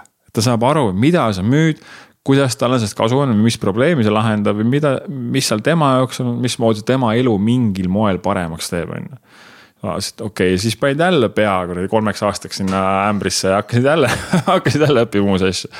et see pidev, see mitte, et no me näeme hästi koolitustel ka on ju, et, et Facebook ei tööta. ma olen proovinud küll, Facebook ei tööta. ja siis ma vaatan neid reklaame, noh, ei, see ei ole Facebooki süü. see on see, et see, su reklaam ei tööta lihtsalt, see Facebook ei saa midagi teha, kui sul on pealkiri puudulik seal on ju. see mm -hmm. ei ole Facebooki süü see on sinu süü ja, ja me kogu aeg vaatasime oma, ka kui me Instagrami olime mingi hetk teinud aasta aega, vaatasime, mis töötas, siis mingi hetk ei töötanud enam väga hästi, on ju. Äh, okei, mis me nüüd teistmoodi peame tegema, on ju, kas nüüd midagi nagu, millega aeg on läbi saanud, on ju, et, äh, et siukseid asju kogu aeg, mitte nagu kellegi teise süüdistamine või ise vastutuse võtmine, on ju. et nagu ka oma elus oma asjadega, eks ole, et ma pidin ise vastutuse võtma, kas ma tahan nagu oma elust midagi luua ja, ja ma võin süüdistada küll poliitikuid ja asju ja oma vanemaid ja blablabla bla, bla, mida ümberringi veel või ma ei tea, iseennast. aga ma pean ise vastutuse võtma, ainult mina saan siit neid asju muuta, on ju. ja turundus samamoodi tegelikult, ei see Facebook, teistel ju töötavad selles suhtes mm. -hmm. aga, aga, aga jah, ma arvan, kui selle taha nagu peita ennast, siis. mis, mis hetkel te jõudsite nagu sellesse kohta, et saite endale palka hakata maksma nagu mingit noh, ma ei tea, mingit keskmist Eesti palka näiteks või? maksime küll Booster Refis, ma, selle üheksasada eurot me võtsime ka mõlemad mingi aasta pärast välja vist. ja, et noh, lihtsalt oli endal, et okei okay,, nüüd me nagu, et see, mis me panime sisse, me võtsime tagasi selle, et nüüd kõik, mis tuleb, siis väga hästi on. et äh, aga maksime mingil, mingil ajal küll endale äh, palka mõlemad sealt ja see oli veel see hetk, kus ei olnud väga palju siis töötajaid ja väga palju veel kulutusi ja siis mingi hetk hakkas see kasvama niimoodi, et pidime väga palju siis töötajaid juurde võtma ja oma tootmisruumid ja, ja mingid tootearendused ja, ja asjad seal. ja siis äh,, siis selleks hetkeks oli juba siis veel nagu teine ettevõte ka nullist äh, turundus äh,, turunduskool, et, et, et, et sealt me siis äh, teenisime ise sissetulekut selleks, et me saame kõik, mis boost'is on, investeerida töötajatesse, tõsta nende palkasid mm. -hmm. Äh, tahtsime Saaremaal maksta ka, et meie maksaksime rohkem natukenegi vähemalt, kui, kui teiste, teised inimesed maksavad, teised ettevõtted maksavad ja et võtta seda nagu pinget ära sealt pealt siis et.... kas, aga kas see nagu see kogu see teekond, äh, et sa vaata, kui sa lugesid seda Tim Ferrist Four Hour Work Weeki ja kõike seda elu, kus sa nagu istud seal. Bahamaal ja sul on online business nagu ainult, et teie sellest boost yourself'i nagu online business'ist veits hakkas ikkagi saama täpselt see, mis alguses nagu rääkisid, et. palju töötajaid, mingi tootmine, mingid palgad, palgatõusud on ju, pead investeerima sinna hoopiski, mitte lihtsalt ei võta nagu raha välja, et kuidas sa nagu tundsid, et kas see kõik oli jätkuvalt ikkagi sama äge või sama lihtne või oli see nagu see sinu unistus, mida sa olid tahtnud teha? see oli jah, see on, see on väga hea küsimus. tegelikult mingi hetk sa jõudsidki sinna kohta, et tegelikult ma sain aru, et see ei ole see äri, mida ma teha tahan. mulle meeldis väga need inimesed, me saime selle, et seda nagu smuutirevolutsiooni Eestis eest vedada. et me ise väga palju arenesime, õppisime kõik oma oskused seal ettevõtluse kohta ja nii edasi tegime nagu ägedat asja, ehitasime üles nagu kihvti brändi nagu tõesti, mis äh, Eestis oma kategoorias oli number üks või noh, eks väga tu kõige tuntumad ilmselt. aga siis me saimegi aru, et, et üks asi on nagu see turundus või see osa ja see äri kasvatamine, teine asi on tootmise optimeerimine seal, et, et toorained ja tarned ja, ja mahud ja nii edasi. et, et see, seal me nägime, vot seal meie tugevust nagu ei olnud ja, ja siis me hakkasime otsima küll neid erinevaid võimalusi kuidas me saaks Eestist väljapoole minna ja samas see toode ei olnud ka nagu nii eristuv unikaalne. et, et ja noh, see jõudis ka sinna, et seda oli väga lihtne kopeerida ja siis Eestis juhtuski. Äh, ja, ja ka selle käigus, äh, selle käigus ma jõudsingi sinna, et tegelikult milles mina olen väga hea, et ma järjest kogu aeg avastasin oma oskuseid või mida ma ise tahaksin teha mm.. on ju, selle Eleveni käigus ma vaatasin, mulle meeldis väga kodulehti ka teha. on ju, Boostis turundus ja sotsiaalmeedia ja Facebooki reklaamid või kui ma tegin teiste ettevõtete neid ja kogu see copywriting ja see osa ja milles ma olen hea, et ma sain järjest, järjest rohkem aru. ja, ja, jah, et, et see ei olnud nagu see, ei Eleven ei olnud see nagu mingi minu suurim miks või kirg on ju. ei boost ka võib-olla mitte ilmselt, ilmselt ma võib-olla täna ei teagi seda veel tegelikult on ju. aga ma jõudsin sinna, et ma tegelikult olen koolitamises väga hea kuidas ma neid, neid oskusi teistele edasi annan, sest me, see oma kogemus, kuidas me kasvatasime oma ettevõtet viiesaja tuhande euroni käives, on ju. sotsiaal, sotsiaalmeedia abil, siis me saime oma praktilist kogemust õpetada teistele ettevõtetele seda ja siis ma sain aru, kuigi avalik esinemine oli nii suur hirm lihtsalt, nagu Sulle nii või? suur hirm. seda küll üldse täna ei usu, on ju. ilma naljata, ma võtsin esimesed, ma ütlesin nagu, ma, mul oli nagu, ilmselt see on lapsepõlvest nagu sellest tõesti nii vanemate poolt kui kui koolist, sest iga kord, kui sa koolist klassi ette läksid, siis no ma ei mäleta, et mul kunagi mingit kiituskirja või viite oleks saanud. pigem tulid ikkagi pea maas ära sealt ja, ja sihukest nagu noh, oligi seda eneseusku enesekindlust ei olnud, on ju, et ma ei julgenud isegi inimeste, kui seal oli viis inimest suud lahti väga teha, sest äh, lihtsalt siuksed nagu asjad. ja, siis äh,, kui mul oli ülikoolis lõputöö kaitsmine, siis mul oli tõesti nagu, ma teemat valdasin, aga mul oli nii suur hirm oli, siis mu vennal oli mingi Xanax, ta ütles, et kuule, võta pool seda sisse, et see nagu aitab. ja, ja ma läksin sinna, ma tegin ära selle nii, et ma ei hakanud puterdama, pabistama ja väga hästi läks, sain selle töö peal nelja, nelja ka. nagu Xanaxi all või? ei, pool Xanaxit. ja siis ma tulin pool Xanaxit on ka päris palju, kui see ei oleks. see ei olnud, see ei olnud see mingi kange variant nagu, ta lihtsalt võttis natuke selle nagu maha. sest ma tõesti nagu ma pabistasin nii palju, et ma pabistasin juba nagu mitte, et nagu, kui ma lähen sinna, vaid juba nädal aega ennem nagu on ju. et ma pabistasin nii palju lihtsalt selle AK-esine pärast ja siis ma mäletan, et äh, ma läksin veel pärast poodi Solarisse ja siis ma parkisin vist, noh, seal oli küll parkimiskohad Solarise ees kohe. aga ma vist olin natuke valesti parkinud, midagi siukest, mu auto oli, ma läksin toidupoodi, mu auto oli ära viidud reaalselt, mitte nagu trahv, vaid ära viidud. ja mul ikkagi see veel kestis natuke, ma olin jumala chill davai, kus, kus mu auto on, palju maksab. Läksid sinna, pole üldse nagu ajanud sind kettasse on ju. ja, ja, ja ilma naljata ma teadsin, et et ma, me tahame teha seda ja, sest me olime Saaremaal teinud ära kaks koolitust nagu ettevõtluskeskusele või arenduskeskusele, läks ülihästi, seal ma tundsin ennast natuke mugavamalt, et, et noh, omad ikkagi Saaremaa ettevõtted ja. ja, ja, ja nende tase oli ka suhteliselt noh, sel ajal sotsiaalmeediast nad ei teadnud väga midagi, on ju, ja me teadsime, et siis ma nagu noh, see andis sihukese nagu natuke andis nagu seda kindlust, enesekindlust. ja siis me tegime veel teise, esimese koolituse ka Saaremaal, äh, mis läks ka väga hästi aga siis, kui Tallinnast tulid, noh, see oli ikkagi minu jaoks nagu, nagu mingi suur samm ikka edasi Tallinna ettevõtjatele, sest seal olid ettevõtted, kes tegid mitu miljonit aastas käivet ja nii edasi. kuigi nad sotsiaalmeediast teadnud, ma õpetasin meile just seda oskust. ja ma ütlesin ka, et äh, ma pidin ka esimest koolitust võtma äh, samamoodi väikse Xanaxi, et, äh, et see kestaks mul paar tundi, et ma saan mm -hmm. ennast nagu käima mm. -hmm. ja siis teemat valdan sada protsenti, aga lihtsalt see nagu ärevus lõi nagu sisse wow.. ja siis ma ja nende aastatega ma olen õppinud, et koolitamine on nagu, see tõesti nagu meeldib mulle väga,, väga-väga meeldib ja, ja, ja leidsin nii-öelda järgmise oskuse, on ju, mida ma teha tahan. kas sa, kas sa, kas sa vaatasid sinna ärevuse taha ka, et, et mis sulle siis päriselt seda ärevust nagu põhjustas? tead, sel ajal ma ei jõudnud sinna taha vaadata nagu. aga nüüd tagasi vaadates ähm,? ma arvan, et see oligi lihtsalt see, et ma olingi ju sihuke kolme poiss olnud, on ju. nagu teiste hinnang siis. Äh, teiste hinnang, ma arvan jah, ja, ja, ja see nagu noh, enda sihuke enesearmastuse puudumine ja enesekindluse puudumine ja samas ilmselt ka see, et sul ei olnudki neid nagu teadmisi, kui ma olin, noh, võib-olla ka see, et võib-olla sa defineerid ennast, mis on meil, meil ka päris palju, ma arvan, inimestel. defineerisin ennast, ma olin siis nagu ettevõtja juba, on ju, aga ma defineerisin ennast ikkagi, et ma olen veel nagu palgatöötaja, on ju ja tegelikult see lihtsalt oli mingi periood minu elus, kus ma pidin seda ametit tegema selleks, et endale raha teenida.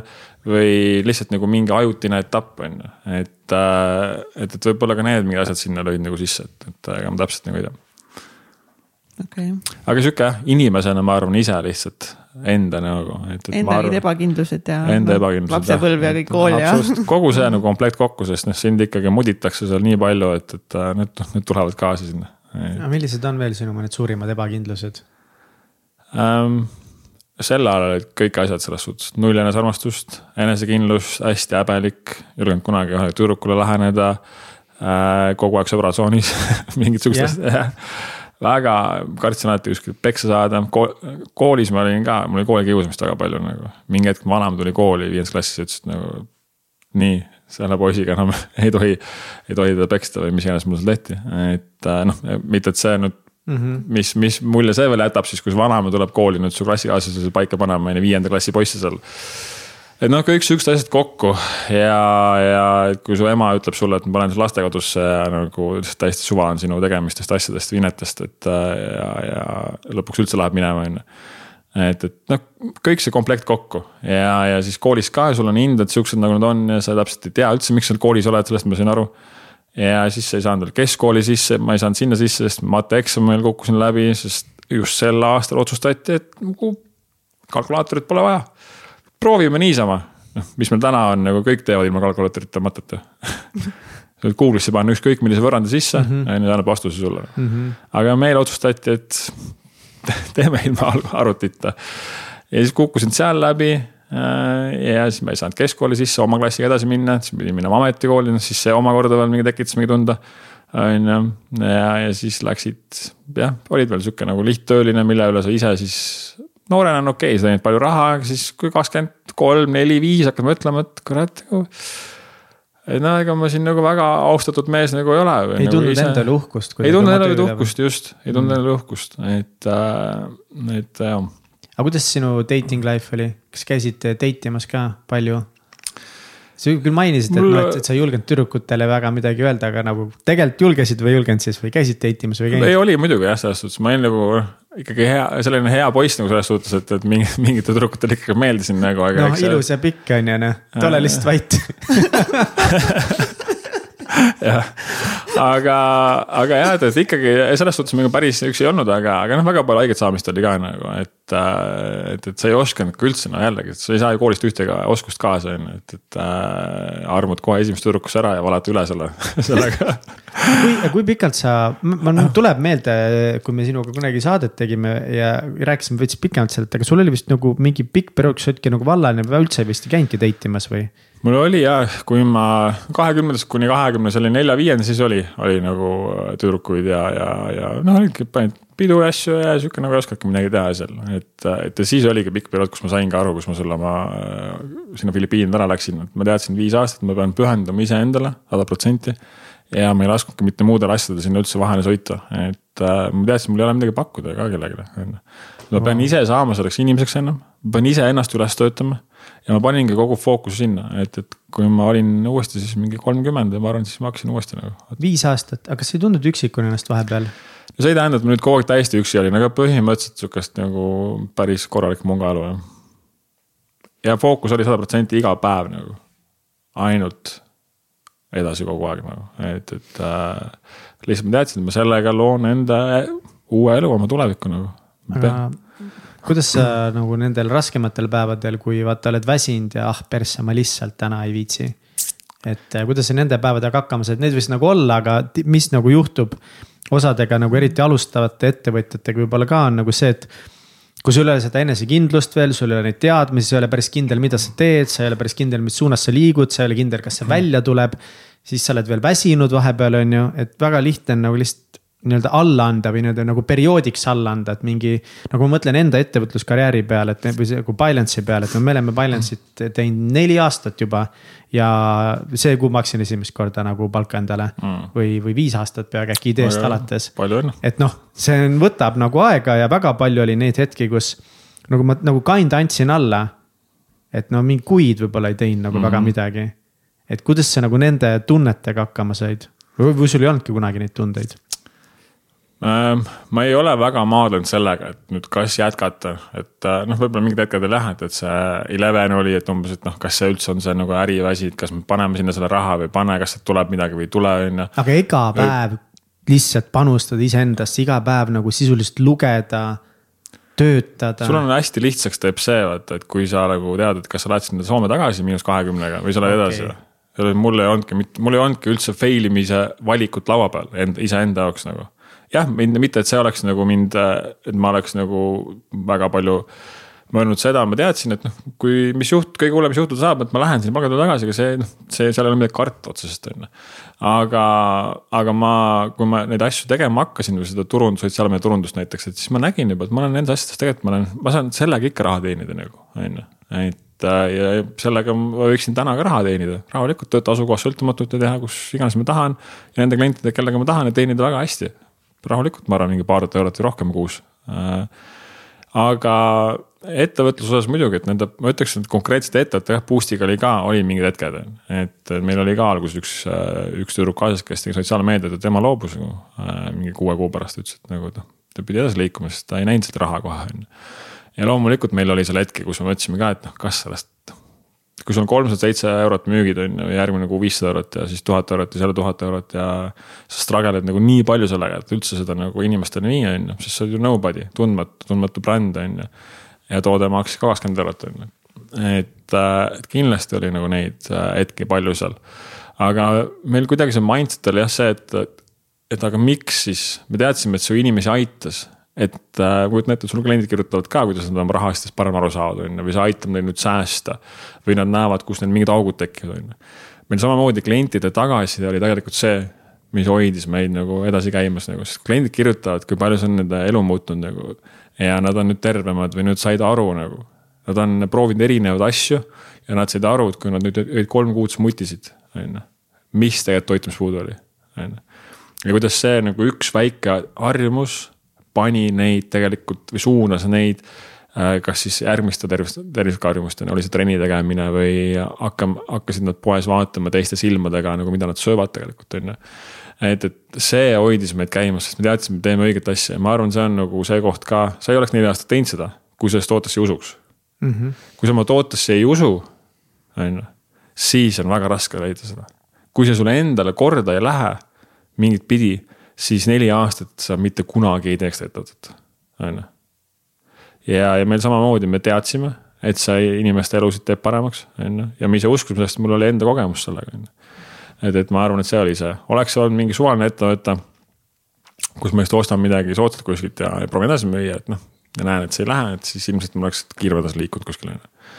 et siis oleks võib-olla seda kahtlemist rohkem olnud ja samas ka seesama see lugemine, äh, mis, äh, mis te, mis te mainisite, et äh, sul ongi väga palju neid hirme, sul ongi väga palju neid kahtluseid.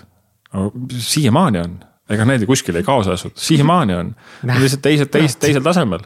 Need nagu vähenevad jah, enesekindlus ilmselgelt tuleb nende, nende tegevuste käigus, nende projektide käigus, aga sa loedki, sellepärast ongi see, see raamatute lugemine. ma siiamaani loen siiamaani loen iga hommik paarkümmend lehekülge või kuulan midagi, midagi inspireerivat. inimestelt, kes siis ka samade asjadega on või kes on teinud.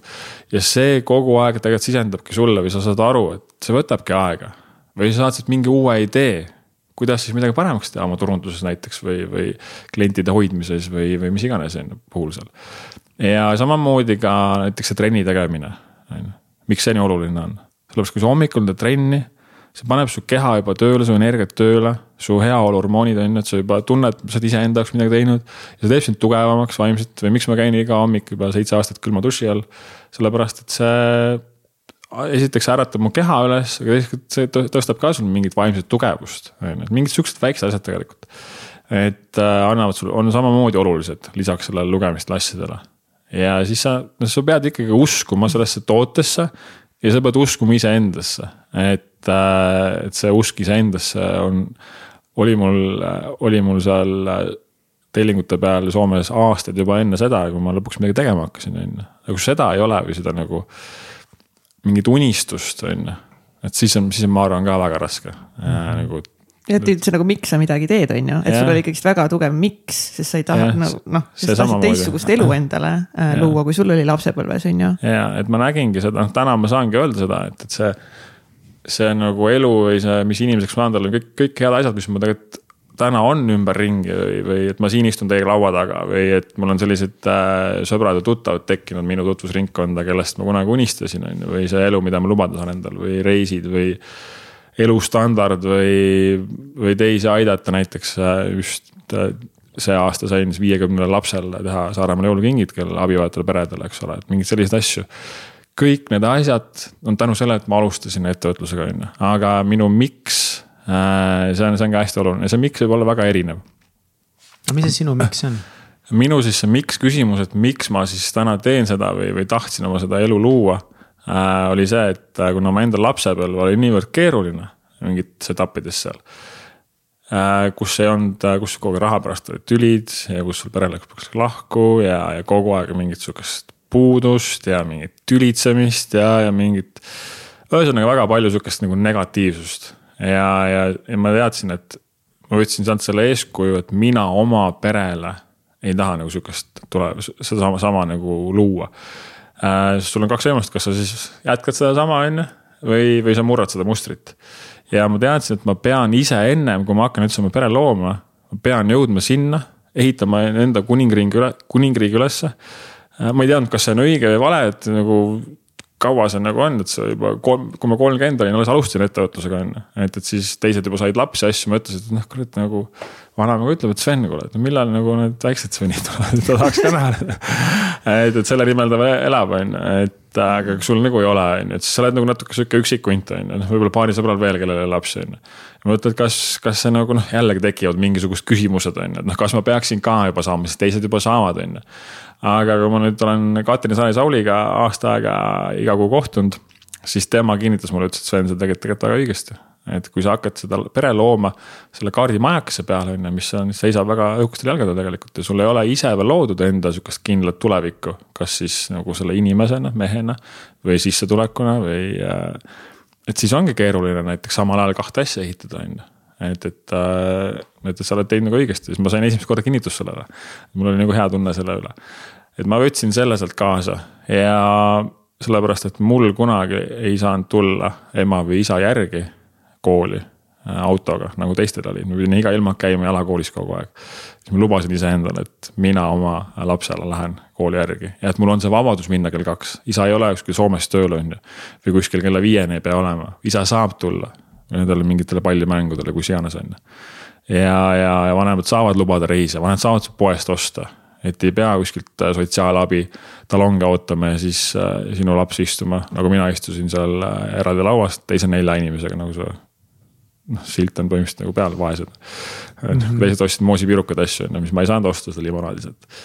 et, et ma lubasin endale, et ma murran seda mustrit, aga see miks võib tulla ka näiteks sellest, et mingi teema ongi väga südamelähedane sulle, on ju, et sa oled maadlenud mingisuguse probleemiga. oletame näiteks sinu puhul ongi see, et, et see raha mingi säästmine või oma finantsasjade planeerimine seal ja see on väga tugev sinu miks, on ju. või kellelgi näiteks olnud mingi, mingi haigus näiteks on ju, millest ta on ise pidanud nagu läbi saama ja ta on leidnud mingisuguse lahenduse sellele. mis ei ole siis nagu traditsiooniline äh, võib-olla on ju, aga nüüd ta tahab siis sellega aidata teisi ka, on ju sest ta teab, millise nagu struggle ta ise läbi tegi selle, kui raske see tegelikult oli, on ju. või kui, kui väga see tema mingit enesekindlust mõjutas või tervist või suhteid või, või mis iganes asju, elukvaliteeti on ju. et see miks võib tulla väga erinevatest kohtadest, on ju, minul oli see sisemine miks on ju. ja aga ma tunnengi, et kuidagi see sisemine, sest või see sisemine miks just lapsega. nagu tööta, nagu see sealt tulenev on nagu niivõrd palju võimsam kui nagu midagi muud, sest nagu, mis sina arvad sellest, et nagu tänapäeval lihtsalt osad, osad meist on ju, tahavad saada lihtsalt ettevõtjaks sellepärast, et see tundubki nagu äge mm.. ja siis ongi, kui nagu lihtsalt esimesed väljakutsed tulevad, siis antaksegi nagu alla ja arvad, et mingit edu ei saabunud kohe ja et see kõik nagu peaks olema lihtne. aga tegelikult nagu ongi see, et kui sul ikka see sügav drive on nagu sees kuskil, nagu siis sa teedki ja siis sa lähedki. Versus see, et lihtsalt teha nagu selles, et, et ah, Sveni elu tundub äge, aga ma ei ole valmis selle nimel nagu vaeva nägema ega tööd tegema absoluutselt, äh, see ongi väga õige tegelikult, et kui mul seda sisemist drive'i ei ole, et siis jah, et ma tahan mingi ettevõtja olla või raha teenida, on ju, noh, see on tore küll, aga rasketel aegadel see ei aita sind nagu läbi, on ju. et, et kui sa sellesse asja ei usu või iseendasse ei usu seal, kui sul seda miks'i nagu ei ole.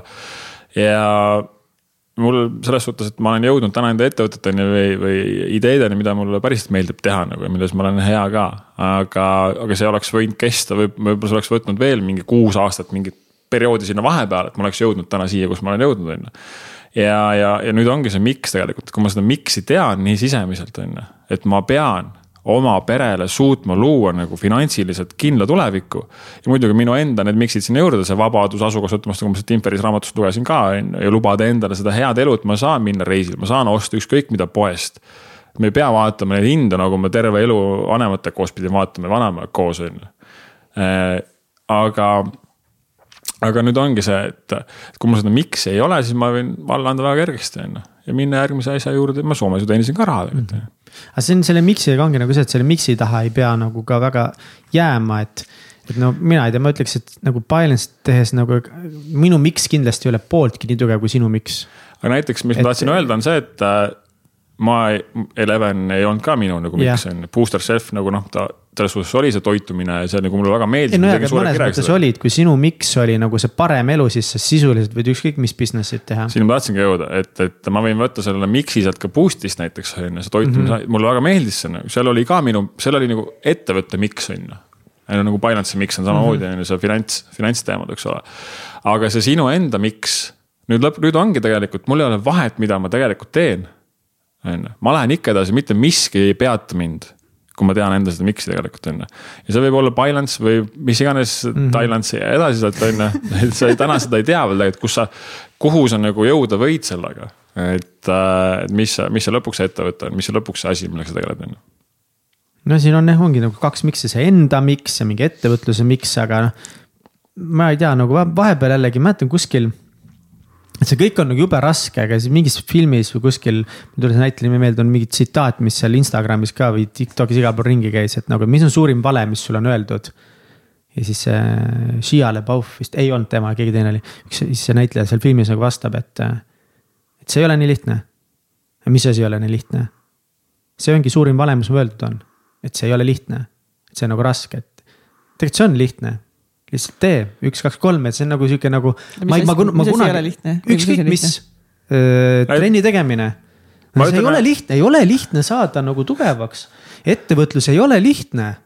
podcast'i tegemine ei ole lihtne. kus ma ütlesin. aga on siis või? lihtne või? no see on nüüd mindset'i küsimus, ma ei tea, noh, kinda mõnes mõttes nagu on, näiteks kui mine Sveni koolitusele, hakka neid asju tegema üks, kaks, kolm, et noh. no aga see teekond üks, kaks, kolm, neli, viis, kuus ei nagu päris ei ole lihtne nagu ei, selles suhtes. ma ei tea nagu.... aga on sinu, aga on olnud sinul teekond siia. see ongi see, mis, mida tähendab lihtne mõttes. mida tähendab raske. jah, mida Täpselt. tähendab nagu raske, et tegelikult nagu noh, trenni tegemine on lihtne. on, vormi saamine lihtne, lihtsalt käi tuhat, tuhat korda trennis. jah, kolm korda nädalas, söö kalor- äh,, proteiinivalku, üldiselt mingit äh, külastunud rasva vähe süskareid on ka vaja. ja, aga kui me oleme alguses mingis muus mugavustsoonis mm, -hmm. siis saada sinna nagu. see on ebamugav. ja täpselt, see on ebamugav, ehk siis alguses äh, nagu lihtsalt mindset'i mõttes. ma ütleks nagu,, et ettevõtlus et, no. ei ole raske. ma, mu elu on selles suhtes palju lihtsam, jah, seal on võib-olla vastutust ja mingeid kohustusi nagu rohkem kindlasti kui palgatöötajal on ju, siis ma lihtsalt kella viiest lähen minema ja kogu lugu on ju, mind ei huvita rohkem. aga palgatöötajana mu elu oli raske minna sinna tööle, sa tead, hommikul juba mulle ei meeldi see on ju, mingid inimesed, asjad, see on füüsiliselt raske, kurnav. mentaalselt samamoodi tegelikult, sa saad veel sellest raha ka, mis sellest ei piisa ka on ju. ja see on raske, nagu ma ütleks, see on nagu väga raske ettevõtja elu ei ole raske, jah, see võib olla raske, võib olla mingid rasked perioodid ja see võib perioode vastavalt sellele, mis äri sa valid ja millest sa hea oled ja mis valikud sa teed ja nii edasi, nii edasi, nii edasi, miljon nagu tegurit loomulikult on ju, see võib olla see periood.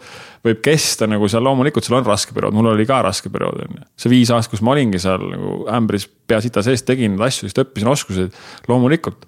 Kas see peab nagu igaühe jaoks nii pikk olema, see on teine küsimus on ju sul on kindlasti täna rohkem oskuseid juba, kui mul seal Soomes oli, on ju, sest sa oled täna juba selles maailmas nagu tegutsenud asjades. et see ongi sihuke rohkem natuke sihuke nagu mõtteharjutus mm., et mul nagu väga nagu kuidagi paelus nagu see mõte seal, et ta vist mängis mingisugust kõvat poksijat, kes nagu tahtis tšempioniks saada. ja siis ütleski, et nagu, et suurim vale, mida mul terve elu öeldud on, et äh, edu on nagu keeruline, et see on raske ma arvasin näiteks, et ettevõtjad. nagu tegelikult on nagu raske, aga samas tegelikult ei ole raske. öelda seda, et aa, see on lihtne alles siis, kui sa oled nagu ära teinud mingid mm. -hmm. aga sa pead valima selle oma nagunii mingi raske tee nagu yeah.. selles suhtes, et nagu küsimus. aga miks see halb on, et see on nagu ei, raske? ei, see ei olegi, ma just nagu tahtsingi sinna jõuda, et, et miks see nagu raske on, et no sa pead ise nagu selle valiku tegema, on ju. et äh, samamoodi jah, mul oleks täna väga raske elada sama elu, sest ma nägin, kui ma kahekümne nelja aastat, viie, kahekümne viie aastat olin seal. ma vaatasin nagu, mis mulle tekitas nagu hirmu, see, et neljakümne aastased või neljakümne viie aastaseid mehi või kolmekümne viiesed ka, ma täna kolmkümmend kaheksa ise on. siis kurat, kui ma siis ka seal olen veel, siis ma jäängi sinna nagu. vot see, see tekitas mul nagu seda, vot see oleks raske minu jaoks. see oleks minu jaoks raske. see, mis ma täna teen, ei ole minu jaoks raske mm. -hmm. üldse ei ole raske. aga mind näiteks, mis sealt veel tuleb nüüd küsimustega või nendega on see, et mida ma uskusin äh, valesti nii-öelda siis on ju äh,, oli see, et et ega ettevõtjaks, ettevõtja on mingi kindlat tüüpi nagu inimene või mingi targem kellest teisest on ju, et see mingid sellised asjad tegelikult hoidsid, hoidsid mind väga tagasi nagu, sest ma arvasin, noh. jällegi ma defineerisin ennast selle järgi, mida ma siis varasemalt olid minu ülekogemused olnud, on ju. või mis mulle sisendatud nagu olid, on ju, et sa oled nagu rumal ja kolmepoiss ja, ja nagu siuksed asjad, on ju. et äh, nendest nagu ja, et mida sa nagu usud, on ju, samamoodi, kui sa usud, et see on raske, siis siis ta ilmselt nagu ongi et ega ma tegelikult, ma ei saa öelda, et nagu ettevõtlus on lihtne nagu olnud, aga nagu samas nagu noh, kind on ka nagu lihtne, lihtsalt vahepeal Millega on väsitav või ma ei teagi nagu, ma ei tea, mida see lihtne ja raske nagu tähendab mm, -hmm. aga mis on raske, on see minna poodi ja valida nagu, mis muna sa saad osta, sest nagu sinu jaoks on nii suur vahe, kas see on kaks euri või neli euri. jah, see on, see on väga raske. see on väga raske. ja ma üks, üks raamat, mis ma lugesin äh, väga, väga edukast ettevõtjast samamoodi ütles, et nagu tema üks eesmärk ongi see, et natuke lihtsamat elu nagu, et sul ongi see oma vabadus, need valikud, finantsiliselt võimalikud, eks ole. Raske on ka see, ma olen näinud seda kõrvalt, kui su pere pidevalt tülitseb raha pärast.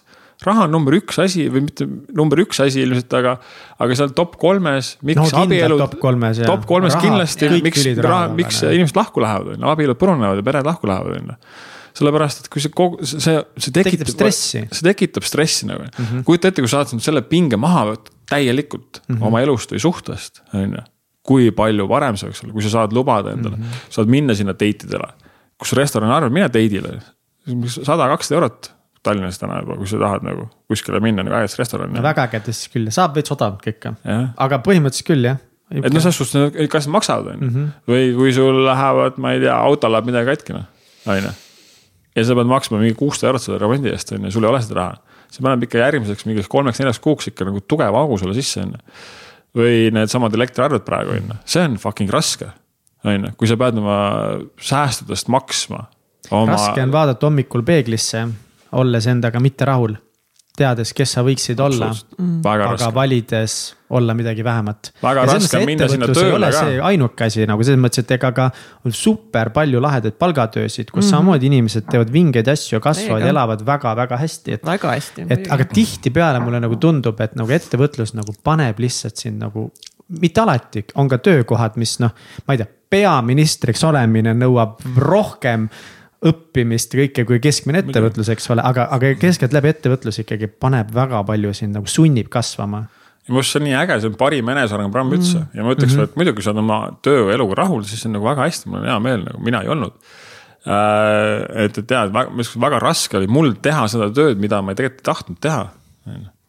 kuulsin Alar Oestu mingit videot kümme aastat tagasi, siis kui ma hakkasin nagu tegema pihta, et ma ei mäleta, mis see video on, mingi julge olla enda moodi midagi võimalik on teha nagu mingi sihukest tööd, mille pärast sa nagu, mis sul päriselt, mida sa armastad, nagu loomust tugev oled, on ju.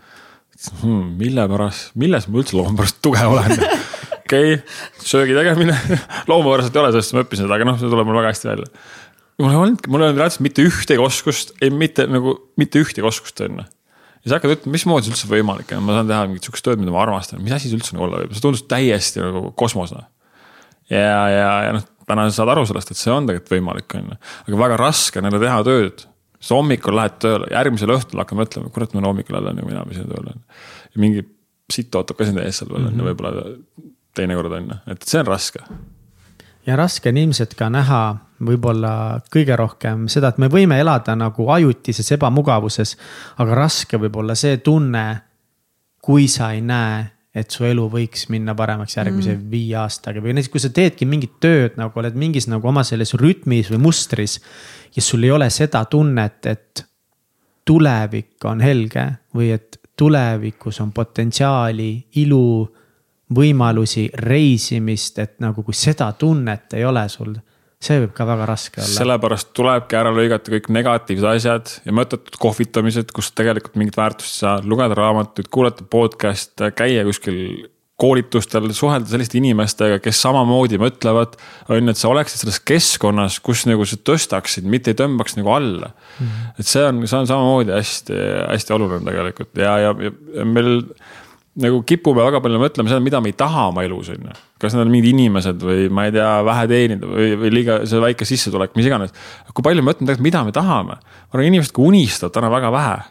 Nagu reaalselt unistad, see on tasuta, selles suhtes see, see nagu ei maksa mitte midagi, see loob alati positiivse tunde, on ju. et. ei maksa või? mis ma, mis ma soovitan. sa ei ole maksnud iga kord unistamisest mis ma soovitan, on see, et, et võttagi lihtsalt kirjutada, mina olen seda nüüd viimasel aastal hakanud tegema ja mul ei olnud mingit tohutut eesmärki, et nüüd ma saan ettevõtjaks ja teenida nii palju. aga ma olen hakanud nagu kirjutama rohkem välja, et millist elu ma tegelikult tahan, on ju. Ja kui sa ise ei tea ka vaata, mida sa, mida sa täpselt tahad, siis nagu raske on leida seda nagu tugevust või usku äh, selle suunas ka liikuda, on ju, ja siis on kerge alla anda. kui ma tean, mis, kus ma elada tahan, on ju. millist täna, okei okay,, elan kuskil korteris, aga millist, millises kodus ma tegelikult elada tahaksin, on ju. palju ma tegelikult te teenida tahaksin ja mitte selle järgi, et ma täna teenin kaks tuhat ja siis ma tahaks kolm tuhat teenida või kolm tuhat viissada, kaks tuhat viissada, siis oleks väga hästi, on ju. vaid nagu päriselt nagu mõtle, et kas on kümme tuhat või kakskümmend tuhat, noh lihtsalt mine nagu täiesti nagu piiridest välja, on ju reisida võib-olla või kaas, millist kaasust sa tahaksid saada, on ju. küll mingid sellised asjad tegelikult. et mõelda üldse, mida me tahame, ma arvan, väga paljud inimesed ei tea täna. ja mida me tahame ja veel tähtsam küsimus selle, miks me seda tahame. et ongi, et nagu, mis on see tegelikult ju see tunne seal taga mm. -hmm et noh, okei okay,, me tahame näiteks, ma ei tea, mingi kümme tuhat eurot, aga tegelikult me tahame ju, mis annab meile, mis tunde see meile annab, kas me otsime mingi turvalisust, võimalust ongi nagu rohkem reisida, vabadust, et mis on nagu tegelikult see tunne, mida me tahame ja. tunda, sest lõpuks on ju. miks see sinu jaoks oluline nagu, on? jah, täpselt, et miks ja. just nagu sinu asjad ja kas need ja on näiteks... nagu sinu unistused või nagu Sveni unistused äkki nagu, need ei ole minu unistused täna, mis on Sveni unistused. näiteks ongi, kellel on ka näiteks kaks last on ju, ütleme näiteks keegi ema on ju. eks oluline võib olla paindlik tööaeg on ju, sellepärast et on kaks ja. last ja tahaks nendega koos olla või et need, mis asju iganes lubada on ju. või äh, et seesama see perele, perele, mul oleks midagi pakkuda, mul oleks oma lastele valikut pakkuda, eks ole kas on mingi hariduse või mingi muu asja teemal või mingid hobid või asjad või tantsutunnid või mis iganes asjad seal on, on ju. ja see ei pea, see ettevõtlus ei pea tähendama ka seda, et nüüd ma pean teenima nagu mingi miljon eurot nagu aastas käivet, on ju. see ettevõtlus võib olla ka see, et saad alustada väikselt mingi asjaga ja teenida võib-olla viissada eurot alustades nagu kuus lisaraha, see võib olla väga suur summa tegelikult on ju. mille saad kõrvale panna. selleks, et säästa raha, sa ei saa võtta ära, see just Tony Robbinsi hoiatus, et see on väga hästi, kui sa teenid, oletame tuhat eurot kuus on ju ja me peame hakkama nagu säästma sellest, mis juhtub, on see, et sa tegelikult hakkad valesti mõtlema. sa peaks mõtlema mitte, kuidas ma saan siit kakssada eurot teenida. või säästa kuus. sellepärast, et kui ma säästan kakssada eurot kuus, et siis mul lihtsalt kümne aasta pärast on mul, ma ei tea, mis iganes summa on, viis tuhat eurot ja ma olen lihtsalt vana kümme aastat, kümme aastat vanem on ju. ma olen selle saan... mõtlemisega ka täitsa nõus üle, see on ülioluline. ei, see on säästmine oluline, aga esimene asi on lisasissetulekut tekitada, millest yeah. mul on säästa. Et ma pean küsima, kuidas ma saaks rohkem teenida, et ma saaksin säästa mm, -hmm. mitte sellest väiksest palgast veel säästa. muidugi mul on, mind on terve elu õpetatud niimoodi, vanaema on mind koolitanud selles osas. aga äh, luua neid lisasissetulekuid, on see see viissada eurot alguses, võib-olla mingi hetk on tuhat eurot, on ju. et ka ettevõtlus võib sihuke olla, nagu ma teenisin kaks eurot alguses kuus, on ju. siis ma teenisin kuussada, siis kaheksasada, kaheksasada eurot on ju kuus, ma ütlesin, vau noh noh, see oli mul tollal põhisissetulek, aga see võiks olla ka lisasissetulek põhitöö kõrvalt, on ju. see võtab muidugi aega, et see üles ehitada, aga see ei pruugi kaua võtta, võib kaua võtta, jumala, kunagi ei tea. et noh, kõige tähtsam see mõte, noh, see, et kaheksa sotti hakata kõrvalt teenima, võib võtta Kui kaua, ei pruugi võtta kaua. täna sotsiaalmeedia spetsialiste. täna sotsiaalmeedia spetsialiste ma tean ise, sest ma olen inimesed palkanud. teenivad jah, oleneb, mis su oskused on, on ju. kui sa oled valmis rohkem pingutama, õppima. alustades teenidki võib-olla kaks-kolmsada eurot kuus, on ju aga mingi hetk teenid kuussada eurot ühe kliendi pealt, on ju. või tuhat eurot ühe kliendi pealt, kui sa oskad kirjutada, head copy't ja teha Facebooki reklaame. kui sul on kaks klienti, oletame, sa teenid viissada. võtame mingi keskmise näiteks, on ju. kaks klienti kuus, sa saad teha seda te oma põhitöö kõrvalt mitte võib-olla iga põhitöö kõrvalt, aga on põhitööst, kus sa saad seda kõrvalt teha mm. -hmm. kõiki asju ette ajastada ja teha. näiteks turundus on selles suhtes sihuke koht, kus on võimalik luua need ja ma tean inimesi, kes töötavad, meil on töötajad olnud, kes teevad oma põhitööd asju ja teevad selle kõrvalt veel äh, teisi asju ka. samamoodi nagu mina ise alustanud olen mm. -hmm, true. ja see võtab ka natuke need pingeid maha tegelikult on ju, et see ei ole nii sõltuv enam ühest sellest ja ma soovitangi ettevõttes alustada samamoodi, et mitte tullagi töölt ära kohe. et alustadagi oma töö kõrvalt, sest siis sa ei riski mitte millegagi, ainult oma ajaga ja kui ei õnnestunud, siis sa õppisid mingeid uusi oskusi vähemalt on ju, mingeid uusi tutvusi ja asju või see võib mingite järgmiste asjadeni viia et.... nüüd sa oled koolitanud nagu väga palju ka ettevõtjaid ja mikroettevõtjaid ja sa oled ise nagu erinevaid ettevõtteid alustanud, et mis on nagu need peamised ettevõtluse alustamisega seotud hirmud, mida sa nagu näinud oled ja, ja kuulnud oled? ikka needsamad, hirm, äh, seda eneseusku ma arvan pole, et mingid õiged äriideed leida, siis äh, et selleks peab olema palju vahendeid kohe, on ju, või et ma ei oska raamatupidamist äh, ja, ja sihukest, ma arvan, eneseusku on samamoodi väga vähe nagu, et, et ja, ja ma usun, et, et sihuke. ka see teiste arvamus on ju, et noh, kui nüüd ei õnnestu, mida siis teised arvavad, on ju. Mhm. mis, mis nad ikka arvavad, las nad arvavad, mis nad arvavad, on ju, et nende äh,. või, või sa küsid näiteks nende inimeste käest, oma vanemate käest või, või kelle iganes praeguste kolleegide käest, et noh, arutad nendega, et ma tahaks nüüd ettevõtte oma äriga alustada.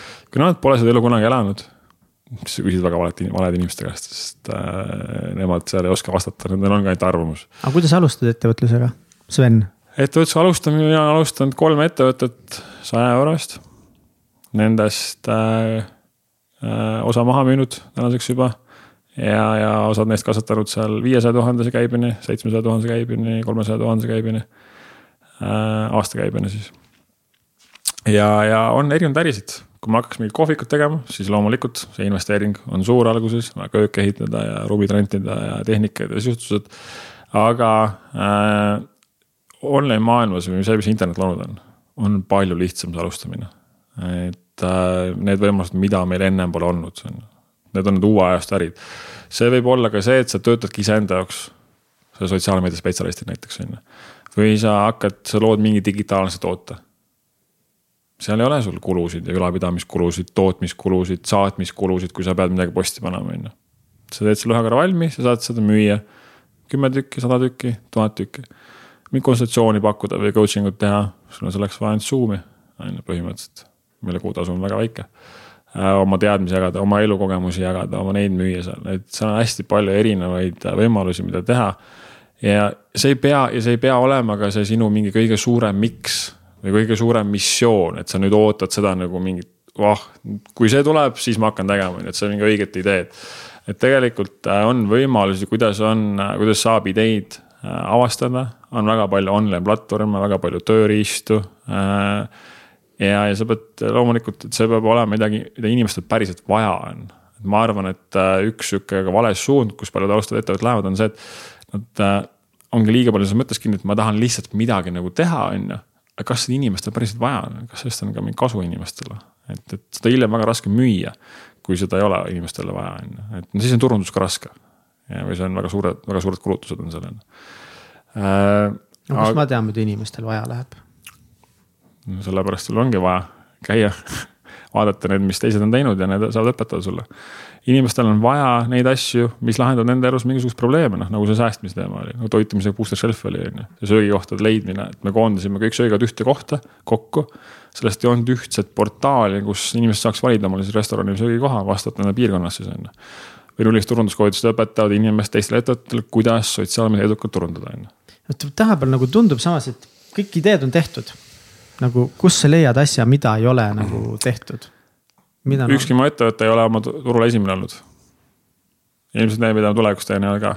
see mikroäri alustamise kursus ei ole esimene ettevõtluskoolitus. nullist Facebooki koolitus või sotsiaalmeedia koolitus ei ole Eesti esimene Finance ei ole maailma esimene Boost Yourself ei olnud esimene supertasuvõi müüja Eestis mm.. Finance ei ole esimene, on ju. Mm. täitsa Peks podcast ei ole esimene podcast Eestis, on ju. Sa ei pea olema esimene, sa teed oma asja omamoodi, teistmoodi, natukene paremini. That's it, sa ei pea olema nagu, et nüüd on üks podcast olemas Eestis. et nüüd enam ei ole podcast'i vaja, on ju. või et on olemas üks säästmisäpp maailmas, et siis ei ole enam vaja, on ju, see on hoopis teistmoodi, sest sest seal võib-olla sellel, sellel mingi teistsugune fookus on ju. Et äh, mikroäri kursusel on ka, mul on turunduse fookus, ma ei õpeta OÜ asutamist. seda oskab igaüks ise, võtab mingi blogi ette kuskilt või äh, õpetuse. ma ei õpeta raamatupidamist seal, sellepärast et äh, raamatupida-, raamatupida saad võtta. sa ei pea selleks vaevama oma aega valesse kohta panema. alguses võib suht väike kulu ka on ju. mingi viiskümmend eurot kuus võib-olla, võib-olla isegi veel vähem ja saad alguses ise ka teha seda, kui sul, alguses sul polegi käivet sul on vaja. sul polegi vaja, sul ei ole esimesed. kui üks aasta saab täis, siis on vaja. ma arvan, et sul ei ole esimesed kolm kuud või kuus kuud vaja seda, kui sa oma toodet arendada, ehitada, on ju, sul on vaja turundust. sul on vaja hakata, kuidas sa seda kliendibaasi kasvatama hakata või meililisti koguma hakata. kuidas sa saad oma ideed testida, üldse, kas seal üldse on üldse mingit traction'it turu peal üldse, kas kellelgi üldse läheb korda see asi on ju. et, et kuidas seda, kuidas seda teha, enne kui sa hakkad sinna aega ja raha investeerima, on ju. miks ma pean mingit tööohutust õppima või mingeid asju ettevõtluses on miljon asja, mida võiks õppida. kolm aastat ma õppisin ülikoolis seda. ma ei mäleta, et mul oleks midagi väga kasu sellest asjast. ma sain Teeduga tuttavaks, mis oli väga hea, on ju. aga, aga kõik, mis ma õppinud olen, tegelikult ma olen õppinud ettevõtluse käigus. Aga, aga turunduse fookus just on hästi oluline, sellepärast et kui sul kliente ei tule, on ju. kui sul kliente ei ole, maksa kliente, siis sa ei saa oma ettevõtte kasutada siis sa ei saa teenida lisaraha, on ju. sa ei saa võtta omal töötajaid, sa ei saa võtta, sa ei saa seda toodet paremaks teha, sa ei saa kodulehte uuendada või teha ju oma esimesest versioonist kaugemal, kui sul pole, sa pead kogu aeg mujalt leidma raha, on ju. seetõttu ongi leida alguses need esimesed kliendid, saada need tagasisidet, hakata siis toodet täiustama. ja sealt vaikselt minema, on ju. Aga me tahame ehitada kohe suure asja valmis panna palju raha sinna, olla, et noh, muidugi ma tunnen tähtsana ennast, kui ma kuskilt rahastuse saan ja annab ja siis me ehitame mingid asjad ja. paneme oma logod ja plakatid suured seina peale ja noh, teeme Instagrami CEO kohe ja. aga nagu räägime päris asjast nagu, et, et, see on kõik tore, aga äh, üks asi on lihtsalt oma ego toita selle asjaga on ju, teine asi on nagu päriselt teha midagi inimestele, mis neil vaja nagu mm. -hmm. et, et seal on ka see, rääkis sinu mikroärikursusest, et eh, see enamus ikkagist, kes, eh, tähendab ka sinu kursusel, ma saan aru, osalevad, on täna ikkagist nagu naised. ja naised meil nullistturundus, nullistkoolitustel ka, et naised kipuvad olema see aktiivsem pool ühiskonnast, et kes on valmis õppima ja katsetama ja, ja. no ka naistel tuleb see, see mõistus varem, et, et ma sain aru, see, et, et kui öeldakse, et meestel tuleb kolmekümnesed, siis minu puhul kindlasti pidas paika, et. sama et naised siis kuidagi nagu tahavad nagu rohkem. otsivad nagu, neid võimalusi. otsivad võimalusi, aga, aga, aga ometi me näeme ikkagist nagu edukate ettevõtjate või üldse rikaste hoopis nagu ikkagi mehi. ja ikkagist täna nagu noh, ma tean, et on, on nagu palju kasvamas peale naisettevõtjaid, väga edukaid naisettevõtjaid, aga täna see on ikkagist suuresti ikkagist nagu väga meeste maailm. see on väga huvitav, sa näitad, aga vaata, kes need on seal, noh, seal on muidugi nooremaid ka, Bolti asutajad ja nii edasi, on ju, aga, aga tegelikult naised ei olegi olnud varasemalt sellised, on ju. et, et nüüd see hakkab alles jõudma sinna. et täna, täna see ettevõte, vaata ettevõtlus varasemalt oligi või turundus üldse tegelikult oli kättesaadav ainult suurtele ettevõtetele, on ju. kui sul oli nagu mingi kümme tuhat, siis said teha mingi video ja telereklaami, noh see, mis siin täna kohapeal on, on ju, et noh, seda võiks teha iPhone'iga ka, on ju, odavate mikrofonidega aga, aga turundus ja reklaam oli väga kallis, on ju, sul ei olnud sotsiaalmeediat, kus tasuta saad reklaamida, on ju. et ei olnudki seda ettevõtlust võimalik teha nagu selliselt võib-olla nii väikselt või online'is või et, et sina saad alustada ise täna mingit asja ja teha seda, on ju. nojah, muidugi saad oma mingi väikse poe teha ja turul müüa mingeid porgandeid ja kapsaid seal. aga ma arvan, et nüüd ongi sihuke uus aasta tegelikult kus inimestel on rohkem võimalusi ja sa näed tegelikult ka seda, kuidas inimesed ja noh, see koroonaaeg ka tegelikult näitas meile seda, et inimesed tahavadki tegelikult töötada rohkem iseenda jaoks võib-olla ja, ja asukohast sõltumatult ja rohkem oma aega ise planeerida, seda vabadust on ju. et, et see, see, see ajastu täna, kus me elame, see võimaldabki täna ja ma arvan, et need, kui me vaatame järgmise kümne aasta seda rikaste toppi, siis seal on oluliselt rohkem naisi. täiega mm. -hmm aga kuidas, miks inimesed ikkagist alla annavad, see minu arust oli see, mis see statistika, et kui registreeritakse umbes sada viiskümmend nagu uut ettevõtet, ega esimest ettevõtet äh, iga nädal nagu sada viiskümmend inimest on iga nädal nagu jess, hakkame ettevõtjaks, et siis ikkagist ju nagu suurem osa neist. noh, nagu üheksakümmend mingi viis protsenti ei pea esimest aastat üle ja nendest mm., nendest, mis alles jäävad, veel mingi üheksakümmend protsenti ei jõua kolme või viie aasta juurde äh,. olles täna Eestis koolitanud ligi kolme tuhat ettevõtet äh, sealt Tartu Ülikoolid, kõik suuremad pangad, asjad, mis iganes nagu ettevõtted ja täitsa sinna, kus kellel pole veel täna logo ka, alustavad ja väiksed sinna vahele. siis äh, turundus ja müük on kõige suuremad väljakutsed. et noh, sul võibki olla, et sa, sul on kõik äriplaanid ja asjad, kõik on läbimõeldud, et me tegime ka. aga seal väga vähe läks nende prognooside järgi ja nende plaanide mm -hmm. järgi tegelikult, eks ole et, et, et sul võib olla kõik väga läbimõeldud, sul võib olla väga hea toodetööstus, sul võib väga hea toode olla. aga kui inimesed ei tea sellest siis sa ei saa kedagi aidata, on ju. inimesed ei tea, siis nad ei oska sinu juurde tulla. et, et äh, turundus on see kõige suurem väljakutse ettevõttel, seda on, samamoodi uuringutega välja toodud mm. -hmm. et äh, ja mitte ainult see, et sa nüüd teed turundust, on ju, noh, me teeme turundust. aga ka see, kuidas sa seda oma tootest räägid, mis sõnumitega sa üldse inimest kõnetada suudad. sellepärast, et sul nagu üks pealkiri versus teine pealkiri, see vahe võib olla viiekordne ja, ja siin tulebki nüüd mängu see, et me elame nüüd sellel uuel ajastul, kus äh, kõik saab turundust teha. igaüks saab ettevõtte alustada, igaüks saab oma kodulehe teha viiekümne eurost, nagu ma ütlesin, on ju. igaüks saab teha Facebooki postitusi, Instagrami postitusi tasuta põhjustel, igaüks saab teha Facebooki reklaame viie eurost päevas ja sellest kohvitass maksab, on ju, teha oma ettevõtte turundust. nüüd on küsimus see, kuidas me välja paistame. sest kõik saavad teha, müra on rohkem, on ju. tõmbame selle äpi lahti, emaili lahti, sõidame siit igalt poolt tuhanded sõnumid päevas nüüd on küsimus selles, et kuidas ma silma paistan nüüd siin tuleb mängu siis reklaamteksti kirjutamine, copywriting, eks ole mis on alustav ettevõtja, ma ütleks, et üks olulisemaid oskuseid alguses. aga mingi kanali valik ka võib-olla natukese või? kanalid ka, aga või... ükskõik, kanalid võivad olla erinevad, et, et ma võin, ma võin turundada kuskil Facebook grupis või kohalikus lehes või teha äh, Facebooki reklaame või, või ükskõik Youtube, mis iganes, aga see kliendi kõnetamine on igal pool. See okay. on nagu igal pool sama põhimõtteliselt, ükskõik kus kanalis sa teed, seal ei ole vahet nagu. et, et, äh, et kuidas oma kliendile oma toodet selgitada ja rääkida et, et see on üks suurimaid väljakutseid mm täna turunduses, ma näen. Ja. ja nüüd on küsimus see, et kuidas, kus kanalites me seda siis teeme ka. ja, aga ongi nagu okei okay,, et nagu okei okay,, turundus ja müük on nagu väljakutse. Aga kas see on ikkagist nagu päriselt okei okay, nagu väljakutse või on ikkagist nagu see, et väljakutse on nagu minus endas, sest kui sinul oli väljakutse turundus ja müük, siis sa läksid ja õppisid seda turundus ja müüki, et kuidas seda teha, sa ei andnud sellepärast nagu alla vaid et nagu kas ja siis me leiamegi need lahendused a la ongi, ma võtan siis nullist turunduskoolituse mikroärikursusele, mis iganes. et nagu, kas asi on see turundusmüügis või asi on ikkagist nagu meis endas et nagu, et me anname nagu alla, sest nagu ma saangi õppida turundust ja ma saangi õppida nagu müüki aga, aga üheksakümmend kaheksa protsenti ettevõtetest nagu noh, et kas asi on siis turunduse müügis või asi on minus. ma arvan, siin on ka see, et äh, nüüd on see, et kas see toode on ka siis päriselt nagu see, mida inimestel vaja on millest inimesed on vaja valmis maksma, on ju. ja no siis ma lähen teen uue nagu selles mõttes nagu midagi muud, on ju. jah, et, äh, et ma mikroärikursusel ma ütlesin, tõin ka välja selle, et ma ei soovita alustada sihukese ideega, mille, mille, millega sul läheb alustamiseks kolm aastat aega mm. -hmm ja mis on võib-olla ongi väga mingi inno-, noh, on teinud mingi väga innovatiivne idee ja äge, neid on väga vähe. alustada parem sellega, mis on turul täna olemas, teha seda paremini ja millega saad kohe kiiresti alustada, on ju ja seal väga paljud tekkisid ka juba uued ideed, see selleks, esimene, siis on idee on ju nüüd, kui sa iseendasse ei usu, oma tootesse ei usu, iseendasse mm -hmm. ei mhm. usu ja sul pole oskuseid ka veel, noh, siis on, siis on juba väga raske tegelikult on ju. Et, et, et kui sa ise ei usu endasse, siis sul noh, vähe peaks olema keegi inimene, kes kindlasti usub, noh. mul oli vanaema see, aga noh, ta ütles ka, et Sven, millal see nagu päris tööle läheb.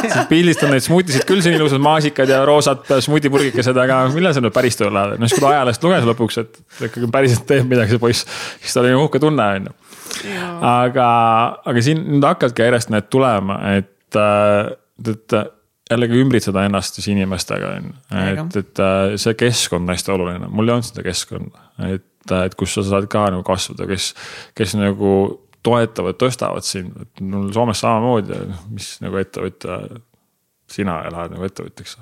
Ja ma ise ka mõtlesin seda nagu ma ise nagunii juba kahtlesin selles on ju. aga siis, kui sul väljaspoolt ka veel öeldakse seda on ju ja tutvusringkonnas pole ka mitte ühtegi inimest, kellega seda arutada või, või kes nagu. noh, miks nad oleks üldse pidanud nägemagi, et ma olen, minust saabki edukas ettevõtja, polnudki ühtegi põhjust tegelikult, sest ma ei olnudki. ma ei olnudki tegelikult, mul ei olnudki neid põhjuseid eeldused on et ma ei nagu süüdista neid selles, aga, aga ma arvan, see nagu enese usk iseendasse on nagu see on, see on üks asi, mida me kahjuks ise, ise teha saame, on ju. ma arvan, me saamegi täiega nagu mõnes mõttes kaardistada natukese kõik need teemad, mis te nüüd olete siin koos välja toonud, et noh, et ettevõtlus võib olla lihtne, see võib olla raske, siin juba sihuke nagu mõtestamise küsimus, aga et kui sa nagu võtad kõik need põhipõhjused miks sa võid alla anda, saad kaverdada veits need ära, mis me oleme rääkinud, on ju, et esiteks miks on ju, miks sa tahad seda teha, mis on see elu, mida sa tahad luua, on ju, mõtled selle välja. Siis me saime aru, et teadmiste puudumine kõikides valdkondades põhjustab väga palju väljakutseid inimestel, okei okay,, kust teadmised saada. katad selle külje ära, on ju see kogukond on ju, mul on vaja inimesi vaja, et okei okay,, ma katan selle ära, et kui sa nagu kõik need noh, leiad mingi viis põhjust võib-olla, mis ongi väga keeruline, mis võib osutuda keeruliseks. hakkad ükshaaval neid katma, et tõenäoliselt siis nagu see protsent allaandmises ongi nagu väga palju väiksem. ja teistpidi on ju, kui sa seda enda miks'i veel väga palju ei tea aga saadki noh, näiteks Sveni siin äh, mikroettevõtte alustamise koolitusega saad need ettevõtte loomise baasasjad teada, turundusbaasasjad teada kommuuni saad ära, kes sind toetab noh, sul on päris palju asju juba kaetud, et no isegi kui seda tugevat miks'i veel ei tea, siis on tõenäoliselt sa ikkagi saad lennata nagu veits aega täitsa kindlalt. ja no me jõuamegi sinna, et tegelikult see on, nõuab ka pidevat arengut inimesena on ju. Et sa ei saa nagu ja nüüd miks, ise, kui sa pead nüüd ettevõtluses vastu need esimesed aastad on ju, kus on see raske ja kus sa õpid kõiki neid asju on ju ja alles nagu saad aru sellest maailmast siis me jõuame järgmisesse kohta, et miks see ettevõte siis nagu edasi ei kasva, on ju, või miks ma olen nüüd sul nagu kinni seal nagu orav rattas ja ma pean kõiki asju tegema ja käive kasvab, müügid ei kasva. aga sa ei saa kasvada kunagi sinust nagu, sinu arengutasemest edasi. sa ei saa kunagi, sa peadki pidevalt ise arenema. Ja see ongi etapiti, et kui ma alustasin ettevõtlusega, siis ma õppisin nagu neid asju, käisin nendel koolitustel, on ju nüüd, kus ma juba tegutsen, mul on järgmised tasemed, on ju. ja nüüd on juba sealt järgmised tasemed, eks ole, et kui ma olen kümme aastat nüüd juba saab täis. ja just oma coach'iga ka vaatasime, et mis ma järgmised kümme aastat teen, on ju. noh, see on hoopis teist, teistsugune ettevõtlus nagu, mis ma siiamaani teinud olen et, et äh, aga see, ma ei saa kunagi nagu, minu ettevõte ei saa kunagi kasvada nagu, kui mina ise ei kasva selle juures nagu. ja see hakkab ka sealt selle, noh, kui ma nagu alustan ettevõtlusega ja ma olen sellise kinnise mõtteviisiga inimene, on ju, et äh, noh, need ma tean, on ju, ja need oskused, mis mul on, mul peaks olema, mu toode on valmis ja, ja, ja miks inimesed ei tule, on ju, et see pole minu süü, vaid teiste süü on ju, või Facebooki süü on ju siis ongi su võimalused on suhteliselt nagu kiiresti saavad läbi tegelikult on ju. ja sind pannaksegi sinna teiste hulka, kes ei õnnestunud seal. lihtsalt sellepärast, et su mõtteviis oli vale. kogu lugu, muus asjas ei olnudki midagi viga tegelikult on ju. Et, et see ettevõtlus nõuab ka nagu enda nagu ego mahavõtmist tegelikult. et, et sa ei teagi jah, sina ei ole su ettevõte ka mõnes mõttes, sa nagu oled, aga ei ole ka. ma ei tea siiamaani turundus kõiki asju, ma ei saagi mm -hmm. teada, ma ei tea veel kümne aasta pärast ka sest on alati kogu midagi õppida. ma arvan, et see on väga suur hirm küll just nagu see, mis sa ütlesid, ikkagi see ego mahavõtmine nagu, et, et noh, et kui me läbi kukume või see ei tule välja, et ma katsetan mingit ideed mm. -hmm. ja kui see välja ei tule, siis ma olen nagu, ma olen läbi kukkunud, ma olen läbikukkuja, ma olen failure. Et see on võib-olla ka sihuke päris suur hirm osadel. kindlasti, aga see, see ei peagi, mul samamoodi, et, et ma, ma ei tee neid samu ettevõtteid, millega ma alustasin, on ju. et äh, kui need oleks isegi nagu, et ma poleks neid maha müünud, on ju et kas ma oleksin siis fail, sellepärast nagu fail inud, ebaõnnestunud on ju, ei, ma liikusin edasi järgmiste asjadeni on ju. see üks asi viis mind sinna ja järgmine asi viib sinna on ju, et oleks. miks te, miks te Boost'i surfi maha müüsite? sest ma ütlesin, et meil on aeg edasi liikuda, et ma tahtsin juba teha teisi asju, ma leidsin oma uued fookused ja ma ei saanud nagu, ma ei saanud kõiki asju teha, et siis mul olid laua peal juba kolm asja, on ju. Äh, Boost, Gracefit nullist, on ju. ma tegelikult tahtsin alustada selle ettevõtluskoolitusega, sest ma tundsin, see on minu sisemine asi. ja ma tundsin, ma nägin, et ma pean ka seda tegema sest turul on täna koolitajad, kes ettevõtlust pole põhimõtteliselt teinud, aga koolitavad. ja, ja siis me coach'iga vaatasime, et kuidas me saame seda aega juurde tekitada, näe siin läheb nii palju aega sinna, on ju, nii palju aega sinna. ja, ja tegelikult äh, ma sain ka aru, et, et mul ongi selle boost'ile vaja natukene matused teha, on ju. et see andis mulle mm -hmm. nagu kõik selle, millest ma nüüd tänulik, kõik need kogemused ja teadmised, asjad, on ju. mille, mille arvelt ma saan täna õpetada teistele, olles siis teinud mitu miljonit eurot analüüsmüüki, on ju aga, aga mul sealt ei tulnud enam seda kasvu, arengut nagu.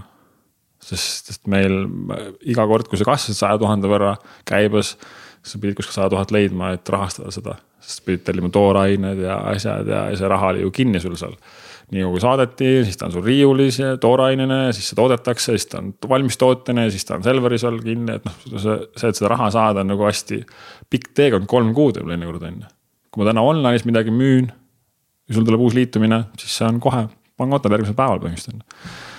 Et, et ja ma nägin, et tegelikult minu, minu nagu tee läheb teist teed natuke, teist suunda. et, et ähm, ja siis tegimegi niimoodi, aga jah, see nõudis ka aega muidugi siis. jah, vahet ei ole, et nagu sa mainisid mitu korda seda kasvamist ka, et.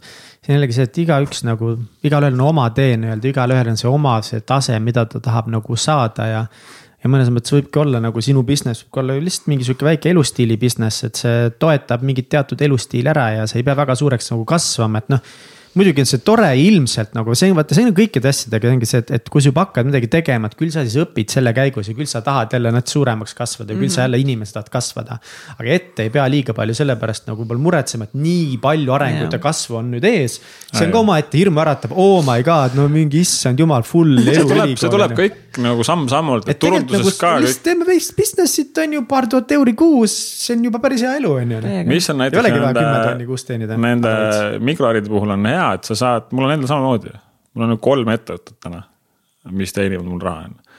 et sul on nagu kolm taburit jalga, on ju. mida rohkem jalgu taburitel on, seda kindlam see taburit on, on ju. on see turundus, samamoodi turunduskanalid, on ju, või sissetulekud, on ju. ja sul on võimalik luua neid väikseid ärisid neid väikseid sissetulekuid ja need võivad kasvada ka seal muidugi edasi, on ju, suuremateks ärideks võib-olla on ju, kus sa võtadki töötajaid juurde. aga ja nende, nende, nende see ajaline maht ei pea olema sinna täis tööaeg, on ju, sa teed seda ühte asja mingi kaheksa tundi nädalas ja, ja teist kümme tundi nädalas on ju. ja, ja, ja selliselt nagu ehitada neid asju, et, et see ei pea nagu olema ainult üks asi, neid võib olla mm -hmm. ka mhm. mitu, mis mulle väga meeldib selle asja juures. mitu tundub hirmus ja keeruline? alguses tundub, hiljem ei tundu enam. kui sa tead, mida sa teed, siis läheb lihtsamaks. ja ongi noh, lihtsalt ei tasu liiga palju üle ka nagu mõelda kogu selle asja. see tuleb. tegutsema hakata. see, noh mina ka väga palju ikkagi töötan oma ettevõtetes, kui ma koolitusi teen, siis mina olen ka see koolitaja, ma ei saa sinna panna teist inimest koolitama, on ju, et noh, see, siis ei ole see koolitus see. aga, aga jällegi mul on väga palju ka abilisi, mitte palju, aga mingi ma ei tea, viis inimest kokku mingite väikeste koormustega, on ju. kes äh, aitavad mul nüüd veebilehti teha, on ju, kuigi alguses esimesed aastad ma ehitasin ise, on ju. et äh, veebilehti või kopit kirjutada või seda teha või kolmandat teha, mingeid visuaale, reklaamida ja nii edasi. et, et kui sa saad juba, jõuad sinna, vot sellepärast sul ongi vaja äh, ka turundust teha. et sul oleks vahendeid, et sa saaksid võtta inimesi juurde, sest kui müük kasvavad, sul tekib rohkem võimalusi, on ju. ja, ja nüüd ongi, et ma olen oma aega vabastanud viimaste aastatega nii palju, et ma ei tööta isegi täistööaega oma kolmes ettevõttes kokku nagu. ma töötan täna vähem kui tavaline, kui ma tavaliselt tööl käiksin sada kuuskümmend tundi kuus. Nice, aga alguses? Alguses oli see, ma arvan, kakssada kaheksakümmend. ja nüüd on siis? täna on alla täi-, normaalne tööaja nice., kolmes ettevõttes kokku. et mul, ma olen, nüüd ma olen jõudnud sinna, kus mul on aega mõelda järgmisi asju või planeerida, on ju, lugeda rohkem või jah, luua mingeid uusi plaane, on ju. kui mul seda aega ei teki, et ma töötangi siiamaani kakssada kaheksakümmend tundi, ma ei mäleta, mis see number oli, see võis olla isegi vähem või rohkem ka. aga siis mul ei teki seda nagu mõtteruumi üldse. Mul on vaja mõtle, mõtlemise aega. kas need asjad, millega ma töötan, kas mu fookus on õiges kohas on ju ja kõik siuksed asjad on. et saad võtta töötajad endale, siis, siis sul tekib see aeg, kus sa saad hakata mõtlema järgmiste asjade peale ka on ju. Mhm ma tean, et äh, meie kuulajate seas on, on, on mitmeid, mitmeid neid, kes, kes tahavad tegelikult ettevõtlusega alustada, mingi aeg tagasi Instagramis tegin ka ju mingi selle nagu polli ja väga palju oli seal neid, kes, kes kas tahavad alustada või on just nagu alustanud, et noh, nüüd aasta kaks tuhat kakskümmend kolm, noh, new year new me, kõik uued, kõik need asjad on ju. kõik on uus et tihti nagu me nagu ongi, mõtleme, aga me ei tegutse ja nagu nii äge ongi, et nagu täna on Sven on ju siin ja siis Sven on nagu loonud midagi, mis annab nagu nii hea baasi just nagu alustavale ettevõtjale et nüüd äh, siis äh, alati kolmas veebruar algab siis Svenil mikroäri äh, alustamise kursus. Ja sellega on võimalus siis liituda sul, kui sa päriselt äh, tahad siis äh, nagu asja käsile võtta. ja ma olen selle kõik oma kogemused, kõik, mis ma õppinud olen ja mis ma ise ennast koolitanud olen tänaseks, ma ei tea, mitmekümnete tuhandete eurode eest.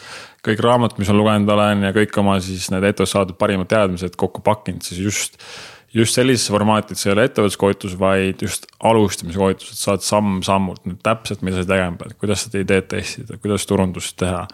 Kuhu, kust tulevad need äh, tulemused ja kuidas nende tulemusteni jõuda siis kiiremini, kui, kui seal äh, võib-olla ise oleks osanud. et hoida oma aega kokku, hoida oma raha kokku ja, ja alustada äh, no samamoodi nagu mina ise alustasin, kui ma vaatasin, kuidas teised edukad või noh, kes olid teinud seda, mida mina tahtsin teha, on ju. kaua see kestab? see on viienädalane kursus kokku. ja kuidas viis... see jaotub mingitesse teemaplokkidesse ka või? ja, iga päev on erinevad teemad, esimene päev Äh, võtame lahti ka siis need sama see miks küsimuse ja need hirmud, mis meid tagasi hoiavad. ja kuidas need ka siuksed nähtamatud uskused meid tagasi võib hoida tegelikult. siis meil on terve päev, järgmine päev on äriidee leidmine, kõik need tööriistad ja platvormid ja mis üldse on hea äriidee eelduseks. kuidas seda ideed testida, turundus viis tundi, äh, sellest copywriting ust, sotsiaalmeediast, mis me ise teinud oleme, kõik läbi praktilist näidete, siis me ehitame ise kodulehe valmis, vaatame neid tööriistu. sest ma ise Booster Shelfi äh,, ma kõike veebid ise ehitanud, Eleveni tegin esimese versiooni ise, jah, see on kõige, kõige ilusam, aga mis siis? Äh,. Booster Shelf oli juba, juba ilusam, see tegi äh,, tegigi seda viissada tuhat äh, ära, enne kui me võtsime siis nagu uued disainerid ja kujundajad sinna, Gracefiti esimese veebilehe tegin ise, nullist ise. Äh, et, et ja neid samu tööriistu ma räägin siis, et kuidas viiekümne euro eest on võimalik igalühel siis omal veebileht põhimõtteliselt ehitada ja siis sellist, läbi selle kursuse sellist äh, mõtteviisi, mis siis toetaks, et kuidas üldse turundust teha, kuidas üldse äh, ettevõtluses, äh, mis suunas mõtlema peaks ja sihukest nagu julgustust, inspiratsiooni, motivatsiooni ja, ja see keskkond ka, et, et mis on siis Facebooki grupi näol. ehk kogukond. jah, kogukond ja mis ka. seal toimub? seal me jagame, küsime hästi kõrge engagement oli seal esimesel kursusel, mis meil toimus septembris ja lisaks saab veel siis ka veebiplatvormile kõik salvestusi vaadata ka, et äh, mingi aja veel pärast, et kui noh, mingi päev ei sobi näiteks. jah, ma arvan, et no, no esiteks lisaks sellele tohutule muidugi väärtusele, mis, mis ilmselt Sven seal, seal, seal annab oma, oma teadmistega, ma arvan, et just see, see kogukond Äh, on see nagu, mis on, ma arvan, minu silmis kõige suurem väärtus selle kursuse juures, sest ma ise nagu tean naisettevõtjana ja, ja noh, meil on selline koht nagu on ENA äriklubi, äh, naisettevõtjate äriklubi siis mm., kus ma olen aasta aega olnud ja mis on minu jaoks olnud nagu täiesti nagu super toetus, toetusgrupp ja, ja hästi paljud nagu uurinud ja teised naised selle kohta. Et tihti noh, naistega me tunneme nagu üksinda ja kui meil võib-olla ei ole täna ka nagu neid inimesi ümber, kes juba tegelevad ettevõtlusega või kes tahavad sellega tegeleda, sul ei olegi minna nagu kellegi käest midagi küsima ja. või nagu rääkima. kuidas mingeid asju lahendada, mida teha, kuidas sina oled mingeid asju teinud ja justkui nagu kamp inimesi, kes on nagu samas kohas praegu noh, see on, see on nagu äh, nii äge seda nagu toetada üksteist ja nagu saada kokku, teha veel eraldi mingit mastermind'e hiljem on ju omavahel pundis, nagu ma arvan, et see on nagu üks suurimaid väärtusi, mida see kursus ja, nagu annab ka. meil tekkis ka hästi palju seal nagu juba uusi tutvusi Just. ja sõpru ja, ja ütlesin ka, et et see äri alustamine võib olla ka ju nii, et näiteks äh, võib-olla sul ei ole endale head ideed, on ju, aga kellelgi siin on grupis on hea idee, on ju, või sul on mingid oskused näiteks on ju. ja siis teisel inimesel näiteks on just see, et kuule, mulle meeldib just veebilehti teha nagu turundust, et davai mm -hmm., paneme kokku, on ju. Et, et hakkame tegutsema, võib-olla ka äripartner leida sealt, et mm, et sa.... ma ei ole ühtegi ettevõtet üksi teinud ja ilmselt kunagi ei kavatse teha ka nagu ühtegi ettevõtet üksi, et see meeskond, kogukond, kuidas seda iganes nimetada, nii oluline sellel teekonnal, et jagadagi, kas, kas siis nagu jagada muresid teistega või siis jagada reaalselt töökohustusi teistega, et igal juhul. üksi, no not for me, aga noh, väga paljudele sobib ja meil on saates käinudki väga palju siin ju ka selliseid eh, noh. Alvar tema ju kunagi rääkis, Arvo Räägel mm. oma Amazoni business alustas, ta õppis bioloogiat üldse ülikoolis. ja hakkas samamoodi, lihtsalt tuli mõte, et tahaks midagi enamat, tahaks teistsugust ja hakkas ka samamoodi õppima, kuidas online business käib ja nägi vaeva ja. üks samm, teine samm, kolmas samm, neljas samm ja lõpuks müüs mingi paari milliga oma business'i maha. ja noh, inimesena täitsa teine, kui oli see bioloog ja. aastaid tagasi, on ju. Mhm. jah, nii see, nii elu läheb. aga kellele see kursus ikkagi siis nagu mõeldud on? See on äh, alustavad, kes unistanud ja möödunud alustamisest, ette alustamisest. nagu kes ei ole veel ühtegi nagu sammu teinud. Pole ühtegi sammu teinud ja samas, kes on äh, juba võib-olla mingid sammud teinud äh,, aga, aga ei tea veel, kas see idee on nagu vettpidav või kas see on ikkagi see idee, et äh, või, või ei ole seda nagu käima saanud, on ju. et ei ole veel jõudnud mingi, ma ei tea, mitme tuhande eurose kuukäibe näiteks, et, äh, et, et alles seal nagu kinni, et idee võib-olla on, aga, aga mis nüüd edasi saab, on ju, et, et äh, nendele inimestele ka ja see toimub siis äh, online'is. Äh, toimub läbi Zoomi vahenduse ja, ja kui see kolmas veebruar aega ei sobi, siis äh, ilmselt panen seal varsti mingisugused järgmised ajad ka välja, et paar korda aastas ma seda teha jõuan ja, ja kas seal saab kuidagi nagu niimoodi Sveni käest vahepeal mingeid küsimusi ka küsida või kuidagi mingeid? ja no. saad ligipääsu nii sinna siis selle kogukonnale kui ka siis mulle, et, et ma isiklikult vastan isiklikult vastan ka kõikidele. ja, ja kes on, ongi kes oleneb ka siis sinu edukus seal, kui aktiivne sa ise oled, on ju. kui nagu antakse selline võimalus, siis kasuta ära sealt nagu sinna... teiste inimeste näol, on ju. no näiteks, ma ise alustasin, siis äh, ma juba võtsin kursusi, koolitusi, ma ei tea, ma ei plaaninud, et ma nüüd hakkan juba mingi kahe kuu pärast tegema siin kohe või, või isegi veel võib-olla ma ei näinud, et ma alustan võib-olla siin veel mingi aasta pärast on ju, et, et. et mis on hästi oluline, mis ma täna aru saan, see, et et kui ma nagu mõtlesin seda ettevõtluse, unistasin sellest, siis ma, aga mul oli ikka sihuke nagu palgatöötaja nagu nägemisväli on ju, et ma ei osanud neid ideid märgata enda ümber või oma elus ja, ja mõelda nagu ettevõtja, sest noh, ma ei saanudki, mul ei olnudki neid oskusi, ma olin palgatöötajas koolitatud ja palgatöötajana töötanud, on ju. et, et see, see kursus kindlasti annab sulle nagu uued silmad just selle ettevõtluse osas, et sa hakkad märkama neid ideid, et sa ei pea nüüd tulema sinna kursusele, et. nüüd kohe tean, et ma alustan, on ju, aga et sul oleks juba see ettevalmistus ettevalmistus märgata neid võimalusi, kui need tekivad sinu teele. sest see võimalus võib tekkida sinu teele. aga kui sul ei ole ettevalmistust sellega alustada või tegutseda või seda märgata, siis see, siis see võimalus läheb eest ära, on ju. ma olen, ma olen nii nõus, pluss ongi kõik need nagu lihtsalt need turunduse mingid alast, alustalad ja copywriting'u mingid äh, nõuanded on ju, et ja. neid on nagu noh, need on lihtsalt mingid oskused, mida noh, on, on sul hea anyways nagu omandada. just, absoluutselt, need on kasulikud nagu ükskõik ja turunduses nagunii on ju ja, ja sotsiaalmeedia turundus ka tegelikult, et. et ma ise alustasin sotsiaalmeedia siis nii-öelda spetsialistina, tegin teistele ettevõtte turundust ja siis ma sain tegelikult ju sellest raha aga ka kogemuse, on ju, mida ma oma ettevõttes pärast kasutada sain. et, et ka see on üks sihuke viis alustamiseks tegelikult on ju, et, et selliseid võimalusi on päris palju jah jah, ma loodan, et Sven laseb äkki meid ka sinna uksest sisse siin saame ikka rääkida täpselt, kui on no.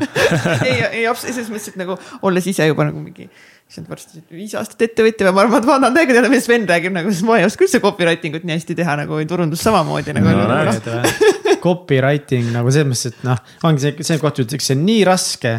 aga samas nagu ilmselt mm., kui Sven ära õpetab, siis tegelikult on nagu lihtne, on mingi, seal on kindlasti tead mingi oma loogika, mingi oma metoodika. jah, meil Olist, Olist koolitusel meil on eraldi copywriting koolitus ka, et kus saab siis terve päev õppida, me käime kõik läbi, näited läbi seal ja seal on omad tehnikad tegelikult, et see kirjutamine, mul oli hästi raske, nagu nii raske oli kirjutamine, et ma olen, olen kolme poiss on. ja, ja, ja aga, aga see tekst võib sul minna, et kui sa hakkad heitma, sa ei tea esiteks, mismoodi seda pealkirja kirjutada, on ju. mis on copywriting üks suurimaid vigasid, on see, mis tehakse turunduses, on see, et me hakkame alustama kohe pealkirjas oma tootega, on ju. et inimesed, noh miks mul seda superdusegu nagu vaja on, ma ei, ma ei tea. me alustame selle probleemiga, hakkame rääkima selle inimesega. räägid sellest probleemist ja võib-olla ka sellest nagu, mis see tekitada võib, on ju, ja siis jõuab inimene lahenduseni. et see käib hoopis teist, teistpidi tegelikult. Äh, et sa müüd talle maha kõigepealt selle idee, no seal on erinevad faasid, etapid ka, et kus, kui teadlik see klient on, et kas ta juba sellest probleemist on teadlik või ta ei ole teadlik või ta on juba sinu Facebooki jälgija või meil listis või ta ei ole seal veel on ju, et kõik siuksed asjad on ka seal. aga, aga copywriting on tõesti üks oskus, mida on võimalik igaühel õppida et ja sellega on ka võimalik samamoodi raha teenida, kui sa, kui näiteks tunned, et oled kirjutamises hea, siis see on üks kõige väärtuslikemaid oskusi ettevõtete jaoks on ju. ja, ja sa võid saada tekstide kirjutamisest jällegi töö, mida sa saad teha ükskõik kuskohast on ju. et võib-olla sinu, sinu kodulinnas ei ole täna häid töövõimalusi on ju, sest need on piiratud, ma tean Kuressaares on ka on ju aga kui sa arvutis saad töötada, teha Tallinna ettevõtetele copywriting ut ja sotsiaalmeediat on ju. või Facebooki, siis see on ka väga hea võimalus on ju. Äh, ja see on õpitav, seal on omad tehnikad omad mudelid, mis on välja töötatud siis äh, edukate copywriter ite poolt, mida kasutatakse täna, mis on teinud ilmselt miljardeid ettevõtetele on ju ja kui ma nüüd esimest teksti kirjutasin, siis see võis ikka väga lappama minna, noh. kirjutad ja sa kirjutad, sa ei tea, mida sa kirjutad ja sa ei tea, nagu. mingid elemendid on puudu ja, ja see tekst ei jõua ka kuskile, aga kui sul on täpselt see mudel ees, see mingi kolmeosaline, nelja, neljaosaline koos näidetega. siis sa tegelikult õpid sellega kirjutama nagu hästi lihtsalt, et, et, et kes koolitusel osalenud on, ütlevad ka, et et kui varem neil läks mitu tundi aega, siis nüüd nad saavad seal poole tunni või äh, mõni selle viieteist minutiga juba oma teksti valmis, et, et jah mm,. nagu pluss kodulehe tekstid ja kõik see ka on ju. ja kodulehe tekst samamoodi, et üks asi on sotsiaalmeedia tekstid on ju või mingid pealkirjad, postitused seal.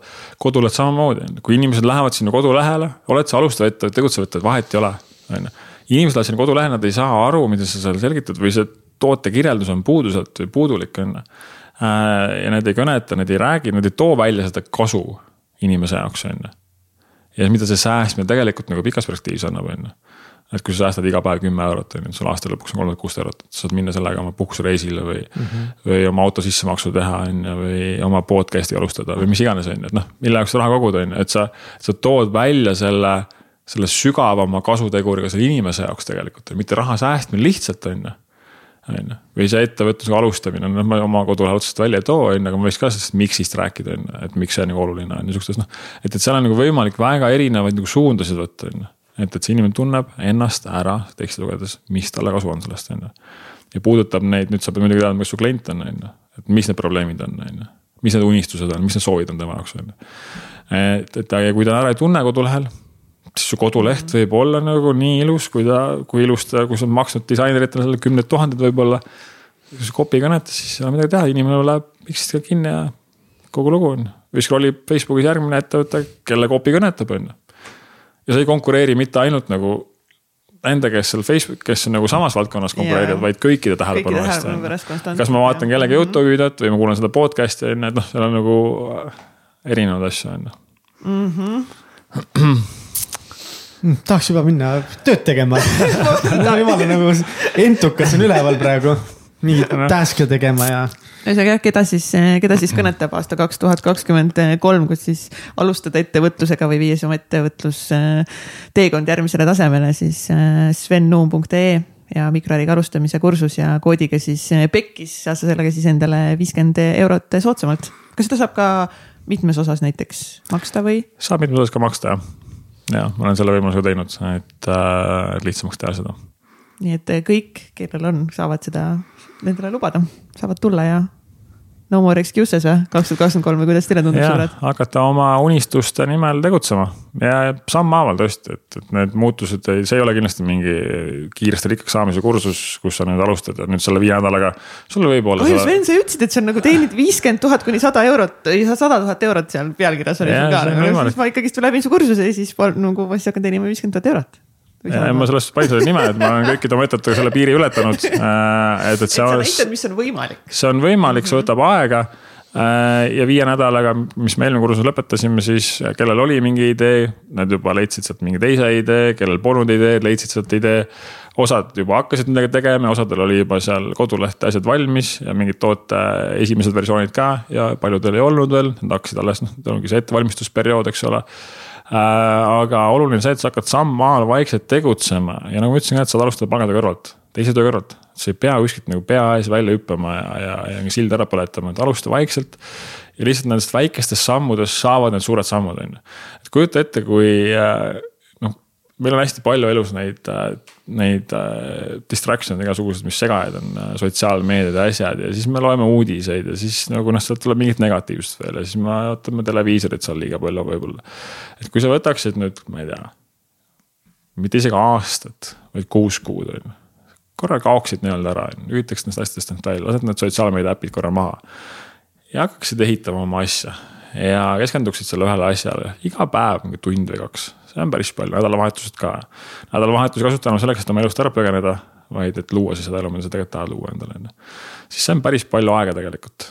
ja kui sa siis tuled tagasi, siis sul tõenäoliselt midagi on juba valmis, on ju. ja see aeg võib-olla võib kolm, kolm kuud ka olla.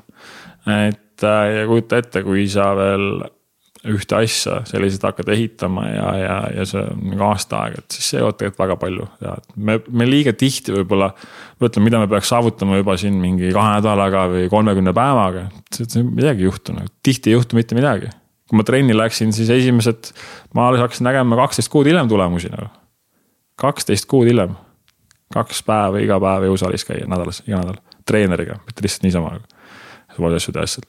et see võtabki aega igas asjas, kui sa lähed kuskile tööle ka, uus töökoht on ju. ega seal ka mingi kuu aega midagi juhtu veel on ju. kolm aastat, viis aastat võib-olla pead pingutama, et saad palgade kõrgendust või, või mingit promotion'it seal, ametikõrgendust. aga omaette, oma asja ehitamisel, oma unistuse, siis nagu loodame hästi kiiresti tulemust saada, on ju, mhm. et, et ega need igal pool sama tegelikult. tegelikult see mingi kolm, neli, viis aastat, see kõik, see on nii lühike aeg tegelikult see on lühike aeg see läheb nii kiirelt ja mitte keegi kunagi noh, tõen-, enamus ei kahetse selle kolme aasta järel, et ma katsetasin, testisin, jõudsin võib-olla kuskile või isegi ei jõudnud kuskile, kõik, mis ma õppisin, mis ma kogesin, uued kontaktid, et noh. see võib-olla praegu ette vaadates kolm aastat mingi asja nimel nagu kõvasti nüüd äh, vaeva näha oma töö kõrvalt siis see kolm aastat läheb nii kiirelt, et sa kolme, kolme aasta pärast sa mõtled, issand, ma oleks võinud palju rohkem aega siia panna. sa ise ei usu täna veel, kui palju on võimalik selle kolme aasta jooksul teha, sa mm -hmm. ei oska isegi seda ette kujutada. Või aastaga. või aastaga. ja, ja kas sa oled valmis võtma selle, ükskõik, mis su vanus täna on, on ju, kas sa oled valmis võtma see kolm aastat või see viis aastat, on ju.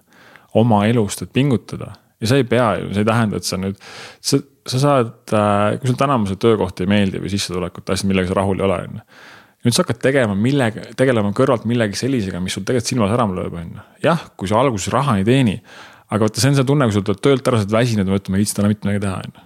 Tahaks ainult saada teleka ette või magama, ju. siis tuled koju ja siis mingi sõber helistab, kuule, lähme mängime mingit kor korvpalli midagi või mis iganes, noh, mis iganes see on sinu jaoks või ma ei tea äh,. Läheme tegeleme tegu,, lähme teeme selle äpil mingi uue asja, on ju, et kohe käima, davai, kohe uus energia, davai, let's go, on ju.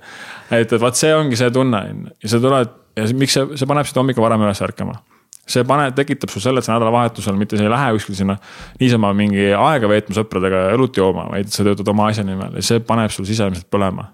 Kõigepealt pead asja nimel, õhtul pead ikka minna õlli jooma. ja absoluutselt muidugi, et äh, aga, aga see annab sulle seda sisemist elujõudu või see äratab selle sisemise elujõu.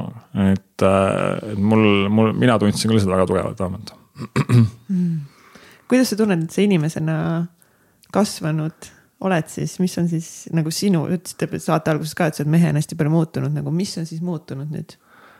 no ma ütlesin ka, et kõik need asjad, mis need omadused või tugevused välja tulid, äh, need ma olen avastanud tänu sellele. ja see kogu pidev eneseareng samamoodi see inimesena, kuidas sa nagu käitud ja oled ja sinu suhtlemisoskused ja kuidas sa maailma näed ja tolereerid ja. ja isegi ma ütleks suhteliselt mõõtmatu on see nagu äh, kasu olnud, et, et lisaks sellele, et see ettevõtlus on nagu äge. aga see arenguprogramm on nagu parim üldse, mida see pakub tegelikult, et äh, ja, ja sealt, sealt me jõuame ka sinna tegelikult, et, äh, et kui sa inimesena arened või sa peadki inimesena arenema sinnamaani, et kui näiteks ma tahan teiega tuttavaks saada, on ju. noh, võib-olla kui ma seal Soomes olin, siis teil poleks nii suur huvi olnud, ilmselt siia saatesse ma kindlasti oleks jõudnud.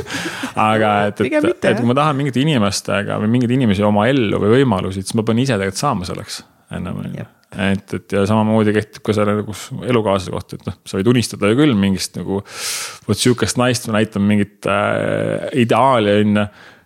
aga kurat, kas sa ise nagu oled mehena nagu seal, et sa üldse oled välja, sa pead välja teenima selle, on ju et, et ja minu arust see nagu viibki sind selles, selles suunas nagu edasi.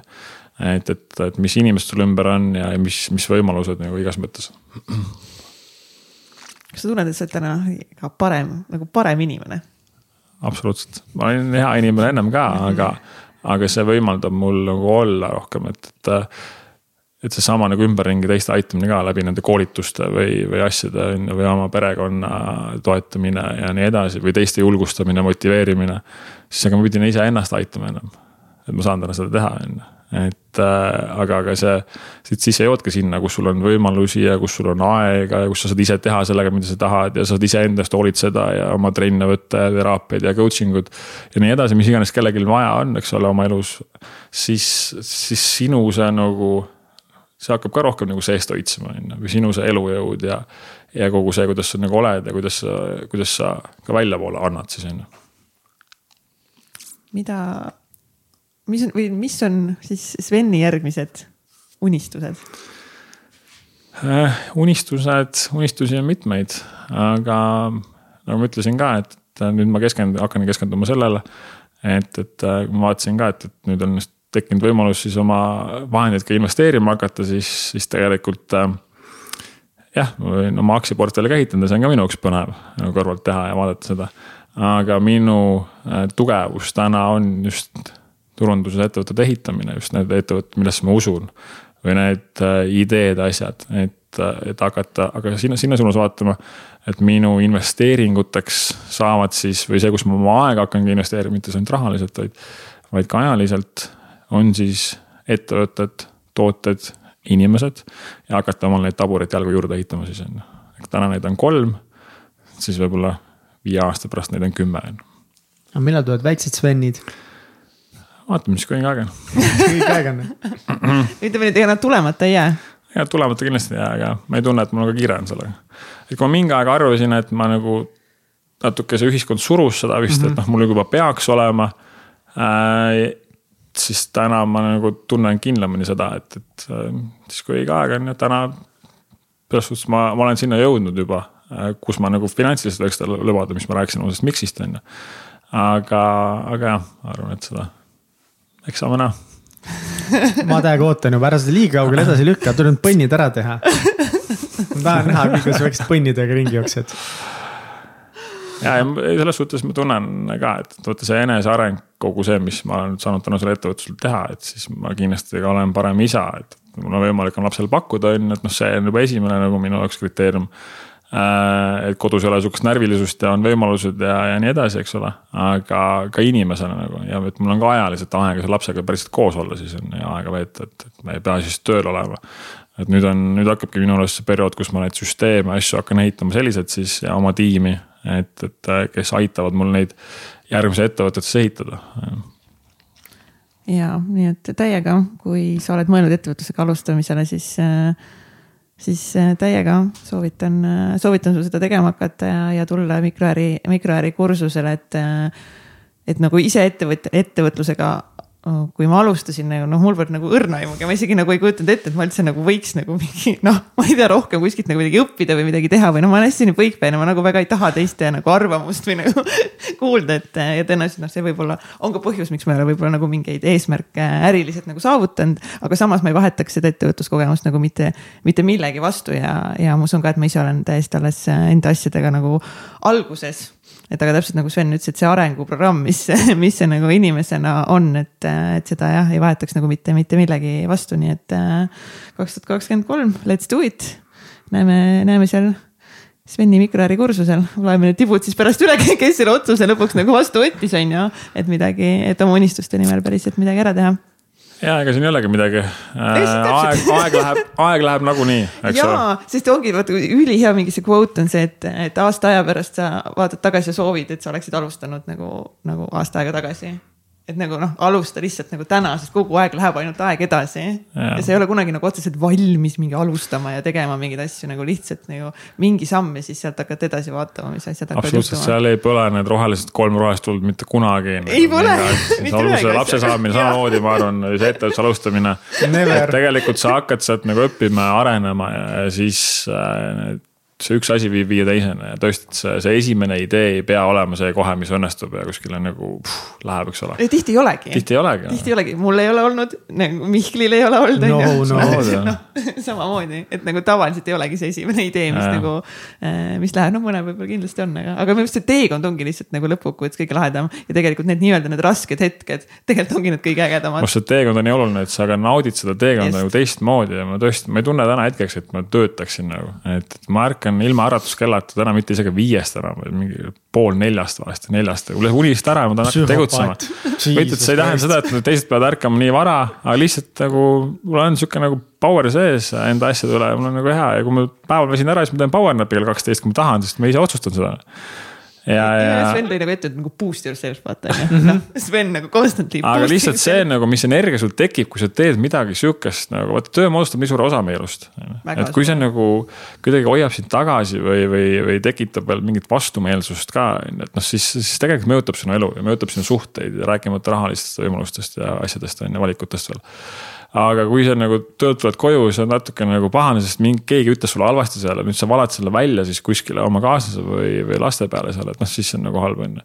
ja samamoodi see töö võiks sulle anda tegelikult ja muidugi on töökohti, kus inimesed väga meeldib, nagu Mihkel ütles ka enam on ju, et, et aga, aga kui see on nagu just nagu sütitab sind ja paneb sind särama ja ja saad inimestelt tagasisidet, mida sina nagu lood, kuidas sina teisi inimesi aitad ja sa teenid ka sellega väga hästi, noh siis see on nagu hoopis teine, teine tase nagu. see on elu elamist väärt super, tõmba otsad kokku või? ja, mis on äh, nagu ma tean, et nagu Svenil tohutult meeldib raamatuid lugeda, kui Sveniga õnnestub sul teha näiteks Zoom kõne või mingi või vaata tema mingeid videosid on ju, siis tal on lihtsalt reaalselt nagu noh, meie Youtube'i kanal sihuke nagu suur sein on lihtsalt nagu täis raamatukogu on, on Svenil nagu taga, see nagu näitabki lihtsalt, see on nagu kõik sealsamas ka Sveni sees, et see ei ole lihtsalt see, et ta nagu, nagu display ib seal neid raamatuid taga on ju. aga mis on mõned raamatud, mis on sinu elu kõige rohkem mõjutanud? Ja üks kindlasti, mis ma soovitaks, ongi, et see, et me elame oma selles natukene ka, väikse kasti sees on ju ja me piirame ennast sellega, mis me ise siis ümberringi näinud oleme või, või meile on öeldud meie kohta või, või vanemad ja asjad. suurelt mõtlemise maagia on üks, üks väga hea raamat, David mingi Swartz või keegi. jah, The Magic of Thinking Big. just mm, -hmm. ja see on üks sihuke klassik mingi aastal tuhat seitsekümmend, viiskümmend kirjutatud, et tõesti nagu aitab natuke nagu aru saada ja siis äh, üks raamat, mis mind väga aitas just äh, selle suhtlemisega, et ma, ma ei osanudki nagu inimeste poole pöörduda või suhelda või nagu, et kuidas äh, kuidas neid vestlusi pidada selliselt, et teisel inimesel on ka huvitav ja, ja sellised asjad, et see suhtlemist, kuidas võita sõpru ja mõjutada inimesi mm. -hmm. kuidas saada tuttavaks nende inimestega, mhm. kellega sa tahad, mis need nagu mingid aasalust, alustalad on. et see on ka selline kolmekümnendatel, viiekümnendatel kirjutatud ka sihuke klassik, et, et see raamat kindlasti oli mulle suureks abiks. siis äh, ka need Rikas isa, vaene isa seeriad, need olid mul esimesed raamatud, mida lugesin, et need, seal ma sain aru sellest, et aa, et kui ma palgatöötaja olen, on ju siis ma olengi siin oma selle kasti sees ja mul ongi piiratud võimalused ja, ja ma ei hakkagi võib-olla kunagi rohkem raha teenima ja mul ei olegi kunagi rohkem vabadust, eks ole.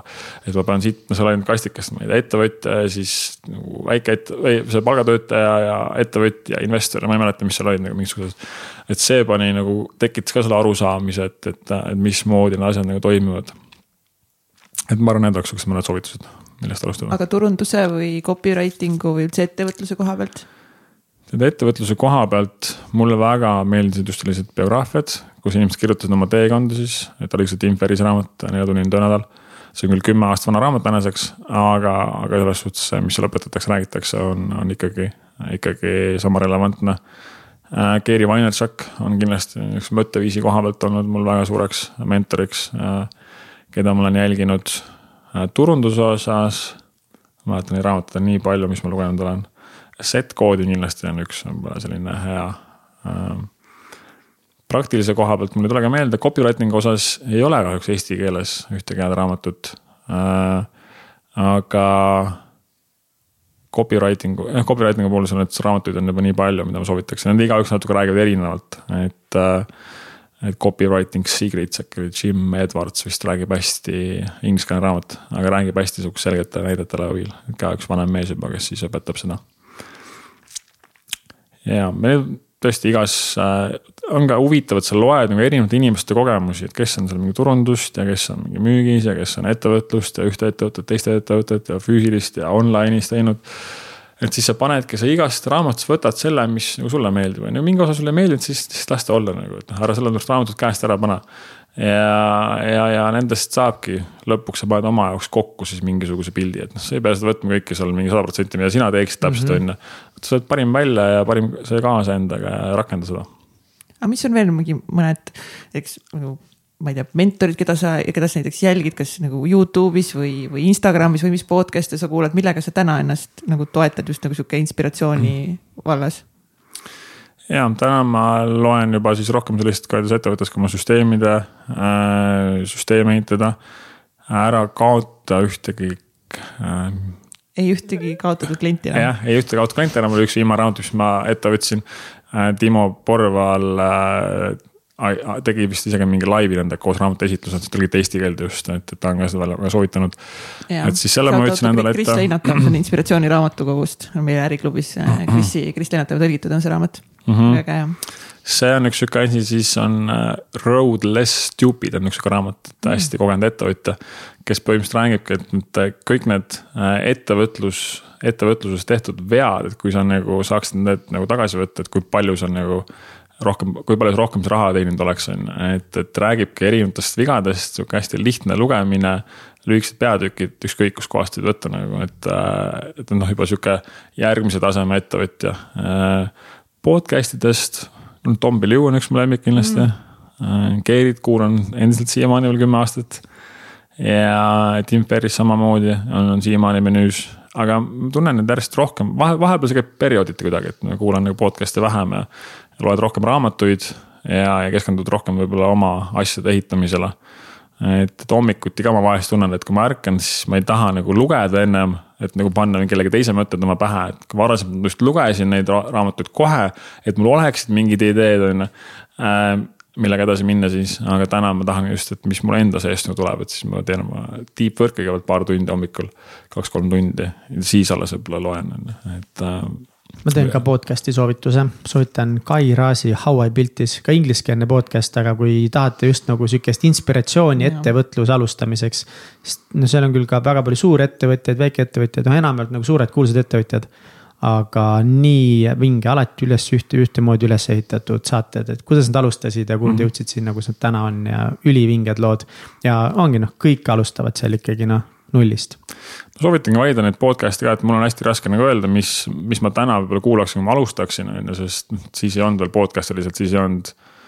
Youtube'ist alles tuli, Facebooki neid gruppe asju olnud, noh, kuidas ma täna selle kursuse olen teinud grupi, eks ole et valida ka just need, mis, mitte et mida mina kuulan või raamatud on ju, vaid mis sind kõnetavad just antud hetkel. et, et see on hästi oluline, valida just neid raamatuid ja muidugi alati vaadata neid review sid, mis nad ütlevad, et enne kui ostad, et neid raamatuid on ka igasuguse erineva kvaliteediga seal aga just valida endale õigel etapil need raamatud. täna ma loen raamatut nii, et ma ei loe enam otsast lõpuni ühtegi raamatut, vaid ma loen sealt mingi kümme lehekülge, kakskümmend lehekülge, viiskümmend lehekülge. võtan sealt mingi osa, mida ma proovin siis rakendada või mille üle ma siis natukene seal endaga diskuteerin ja arutan veel. Ja, ja siis võib-olla see raamat jääb seisma sinna kolmeks kuuks või paariks nädalaks, siis ma loen uuesti ja siis mul tuleb tunne, et ma tahaks seda lugeda täna, siis ma võtan selle raamatu. loen seda, et, et muidu mul oli see, et ma pean nüüd lugemise raamatu otsast õppima, alustasin, et mingi no ka mingi scoreboard umbes, et nagu sada raamatut täis, kaks raamatut täis, jess, mingi ma veel. Ja siis, kui sa vahest tundsid, et, et ma ei viitsi lugeda seda enam ja siis nagu ikka kangutasid seal juba mingi silmad kinni, et siis ma tundsin, et nagu mis asja sa teed sa ei pea lugema seda. kui sa viitsid, kellal sa siin tõestad nende lugemisega. aga mis oskusi sa täna endas kõige rohkem veel nagu tahad nüüd arendada? Äh, ma arvan, arvestades neid plaane, mis ma siin just rääkisin, siis äh, ilmselt meeskonna juhtimine, aga ma ei ole selles nii kindel, sest ma tegelikult ei tunne ennast mingi tohutu meeskonnajuht olen ettevõtjad tihti ei ole üldse inimeste juhti, juhid nagu, et, äh, et, et mul on see visioon ja asjad, kus ma nagu lähen ja ma tean seda.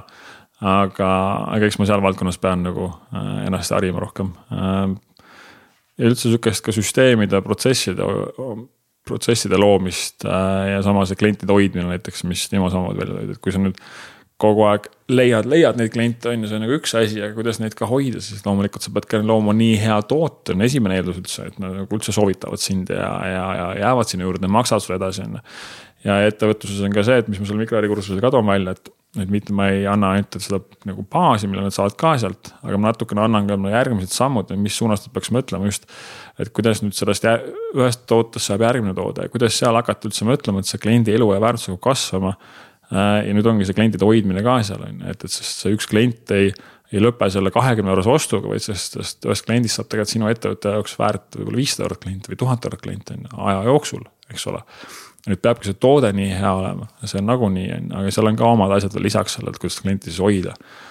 et, et äh, milles kindlasti Timo täna on nagu Eestis väga palju Porval tööd teinud, Timo mm -hmm. Porval jah. Shout out to Timo, meie, meie mentor ka siin. nii, aga lõpetuseks vaatame, kas siin, kas sa on, oled võib-olla mõnda juba neist siin juba lugenud, aga siis üks raamat sulle täna kingituseks. et ei üks, ei ühtki einet üksi. kusjuures seda raamatut äh,, ma ei mäleta, keegi soovitas seda kui ma alustasin ettevõtlust ja ma enam-vähem tean, millest räägivad, et, et ära mine siis kunagi üksi sööma, vaid võta alati kuskil keegi kaasa nagu äh, just suhete loomisest. jah, suhete loomisest. ja mingi aeg nägin, see tuli eesti keeles siis mõtlesin, peaks ostma seda, ma alles veel hiljuti vaatasin seda, et kurat, äkki nüüd ma peaks ostma seda, aga ma ikkagi ei ostnud ikkagi ei ostnud millegipärast. ma saan aru, et sa siis nüüd valid selle raamatu ilma, et. ma isegi ei vaata neid teisi. Pole nice. täpselt. aga, aga jah. mul oli ta juba ostukorvi. teisi nippe, et suhete loomise abil edu saavutada. kiit, paratsi. kuidagi siiamaani see no vot siiamaani see oli meeles mul. siia saatesse tulema selleks, selleks, et endale see. no väga hea, mul on hea meel. täiega. ju siis sisetunne ütles siis, et ära osta kuskilt tuleb. kuskilt tuleb aga õige kokkuhoidlik peab ka olema, palju teenima, aga ei tasu laristada. ja, ja, ja sina saad siis miljon.ee-lt ka soetada. muidu oleks puhas raiskamine praegu olnud, kui ma oleks ostnud seda ise ostnud täpselt, las lihtsalt elul tuua endale asjad, ei, aga väga äge, et sa olid mõelnud selle raamatu peale ja just, et see raamat täna meil siin laua peal, peal ja. oli kõikidest teistest äh, raamatutest. kuule, täiega aitäh sulle, äh, Sven, nagu just Sveniga alati nagu rääkida on lihtsalt ükskõik, kui need lühikesed vestlused või pikad, lihtsalt nii inspireerivad nagu ma... alati, see Sven tuleb oma energiaga ja mäletan, kui me üldse hakkasime seda saadet nagu planeerima ja, ja et võiks nagu teha sihukest äh, Sveni ettevõtlusteekonnast saadet ja siis juba oli nagu mingi fuck nagu nii äge, et nagu see, lihtsalt see energia. Täpselt see, mis sinu sees tuleb, on nagu see, mis äh, nagu ongi teinud nagu sinust täna selle, kes sa oled.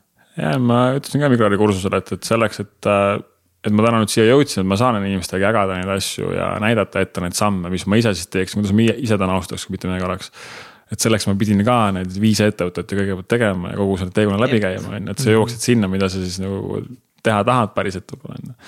et, et jaa, minge vaadake svennum.ee äh,, kirjutage Instagramis, äh, et Svennum leiate üles mind. alati vastan kõigile äh,. kirjutage, kuidas teile saade meeldib, ägeda, huvitav oleks kuulda, äh, et kes sai inspiratsiooni sellest mm. -hmm eks me ja, teeme tahaks, siis. me tahaks teha statistikat nagu nüüd, et kui palju inimesed nagu päriselt said siit saatest inspiratsiooni ja kes ka siis teevad sellele mingi teo järgi, kas siis alustavad registreerida oma ettevõtte, tulevad mikroärikursusele või mis iganes see sinu see järgmine samm siis on, et eh, kirjuta meile ja Svenile. kui said siit päriselt inspiratsiooni nagu edasi, edasi tegutseda ja mõelda. jah, täiega, nii et aitäh kuulamast. aitäh kuulamast. aitäh aitäh, edukat aastat kõigile. ja, head aastat, head aastat, lihtsalt fucking head aastat teile sõbrad. lihtsalt head aastat. lihtsalt head aastat, parimat head aastat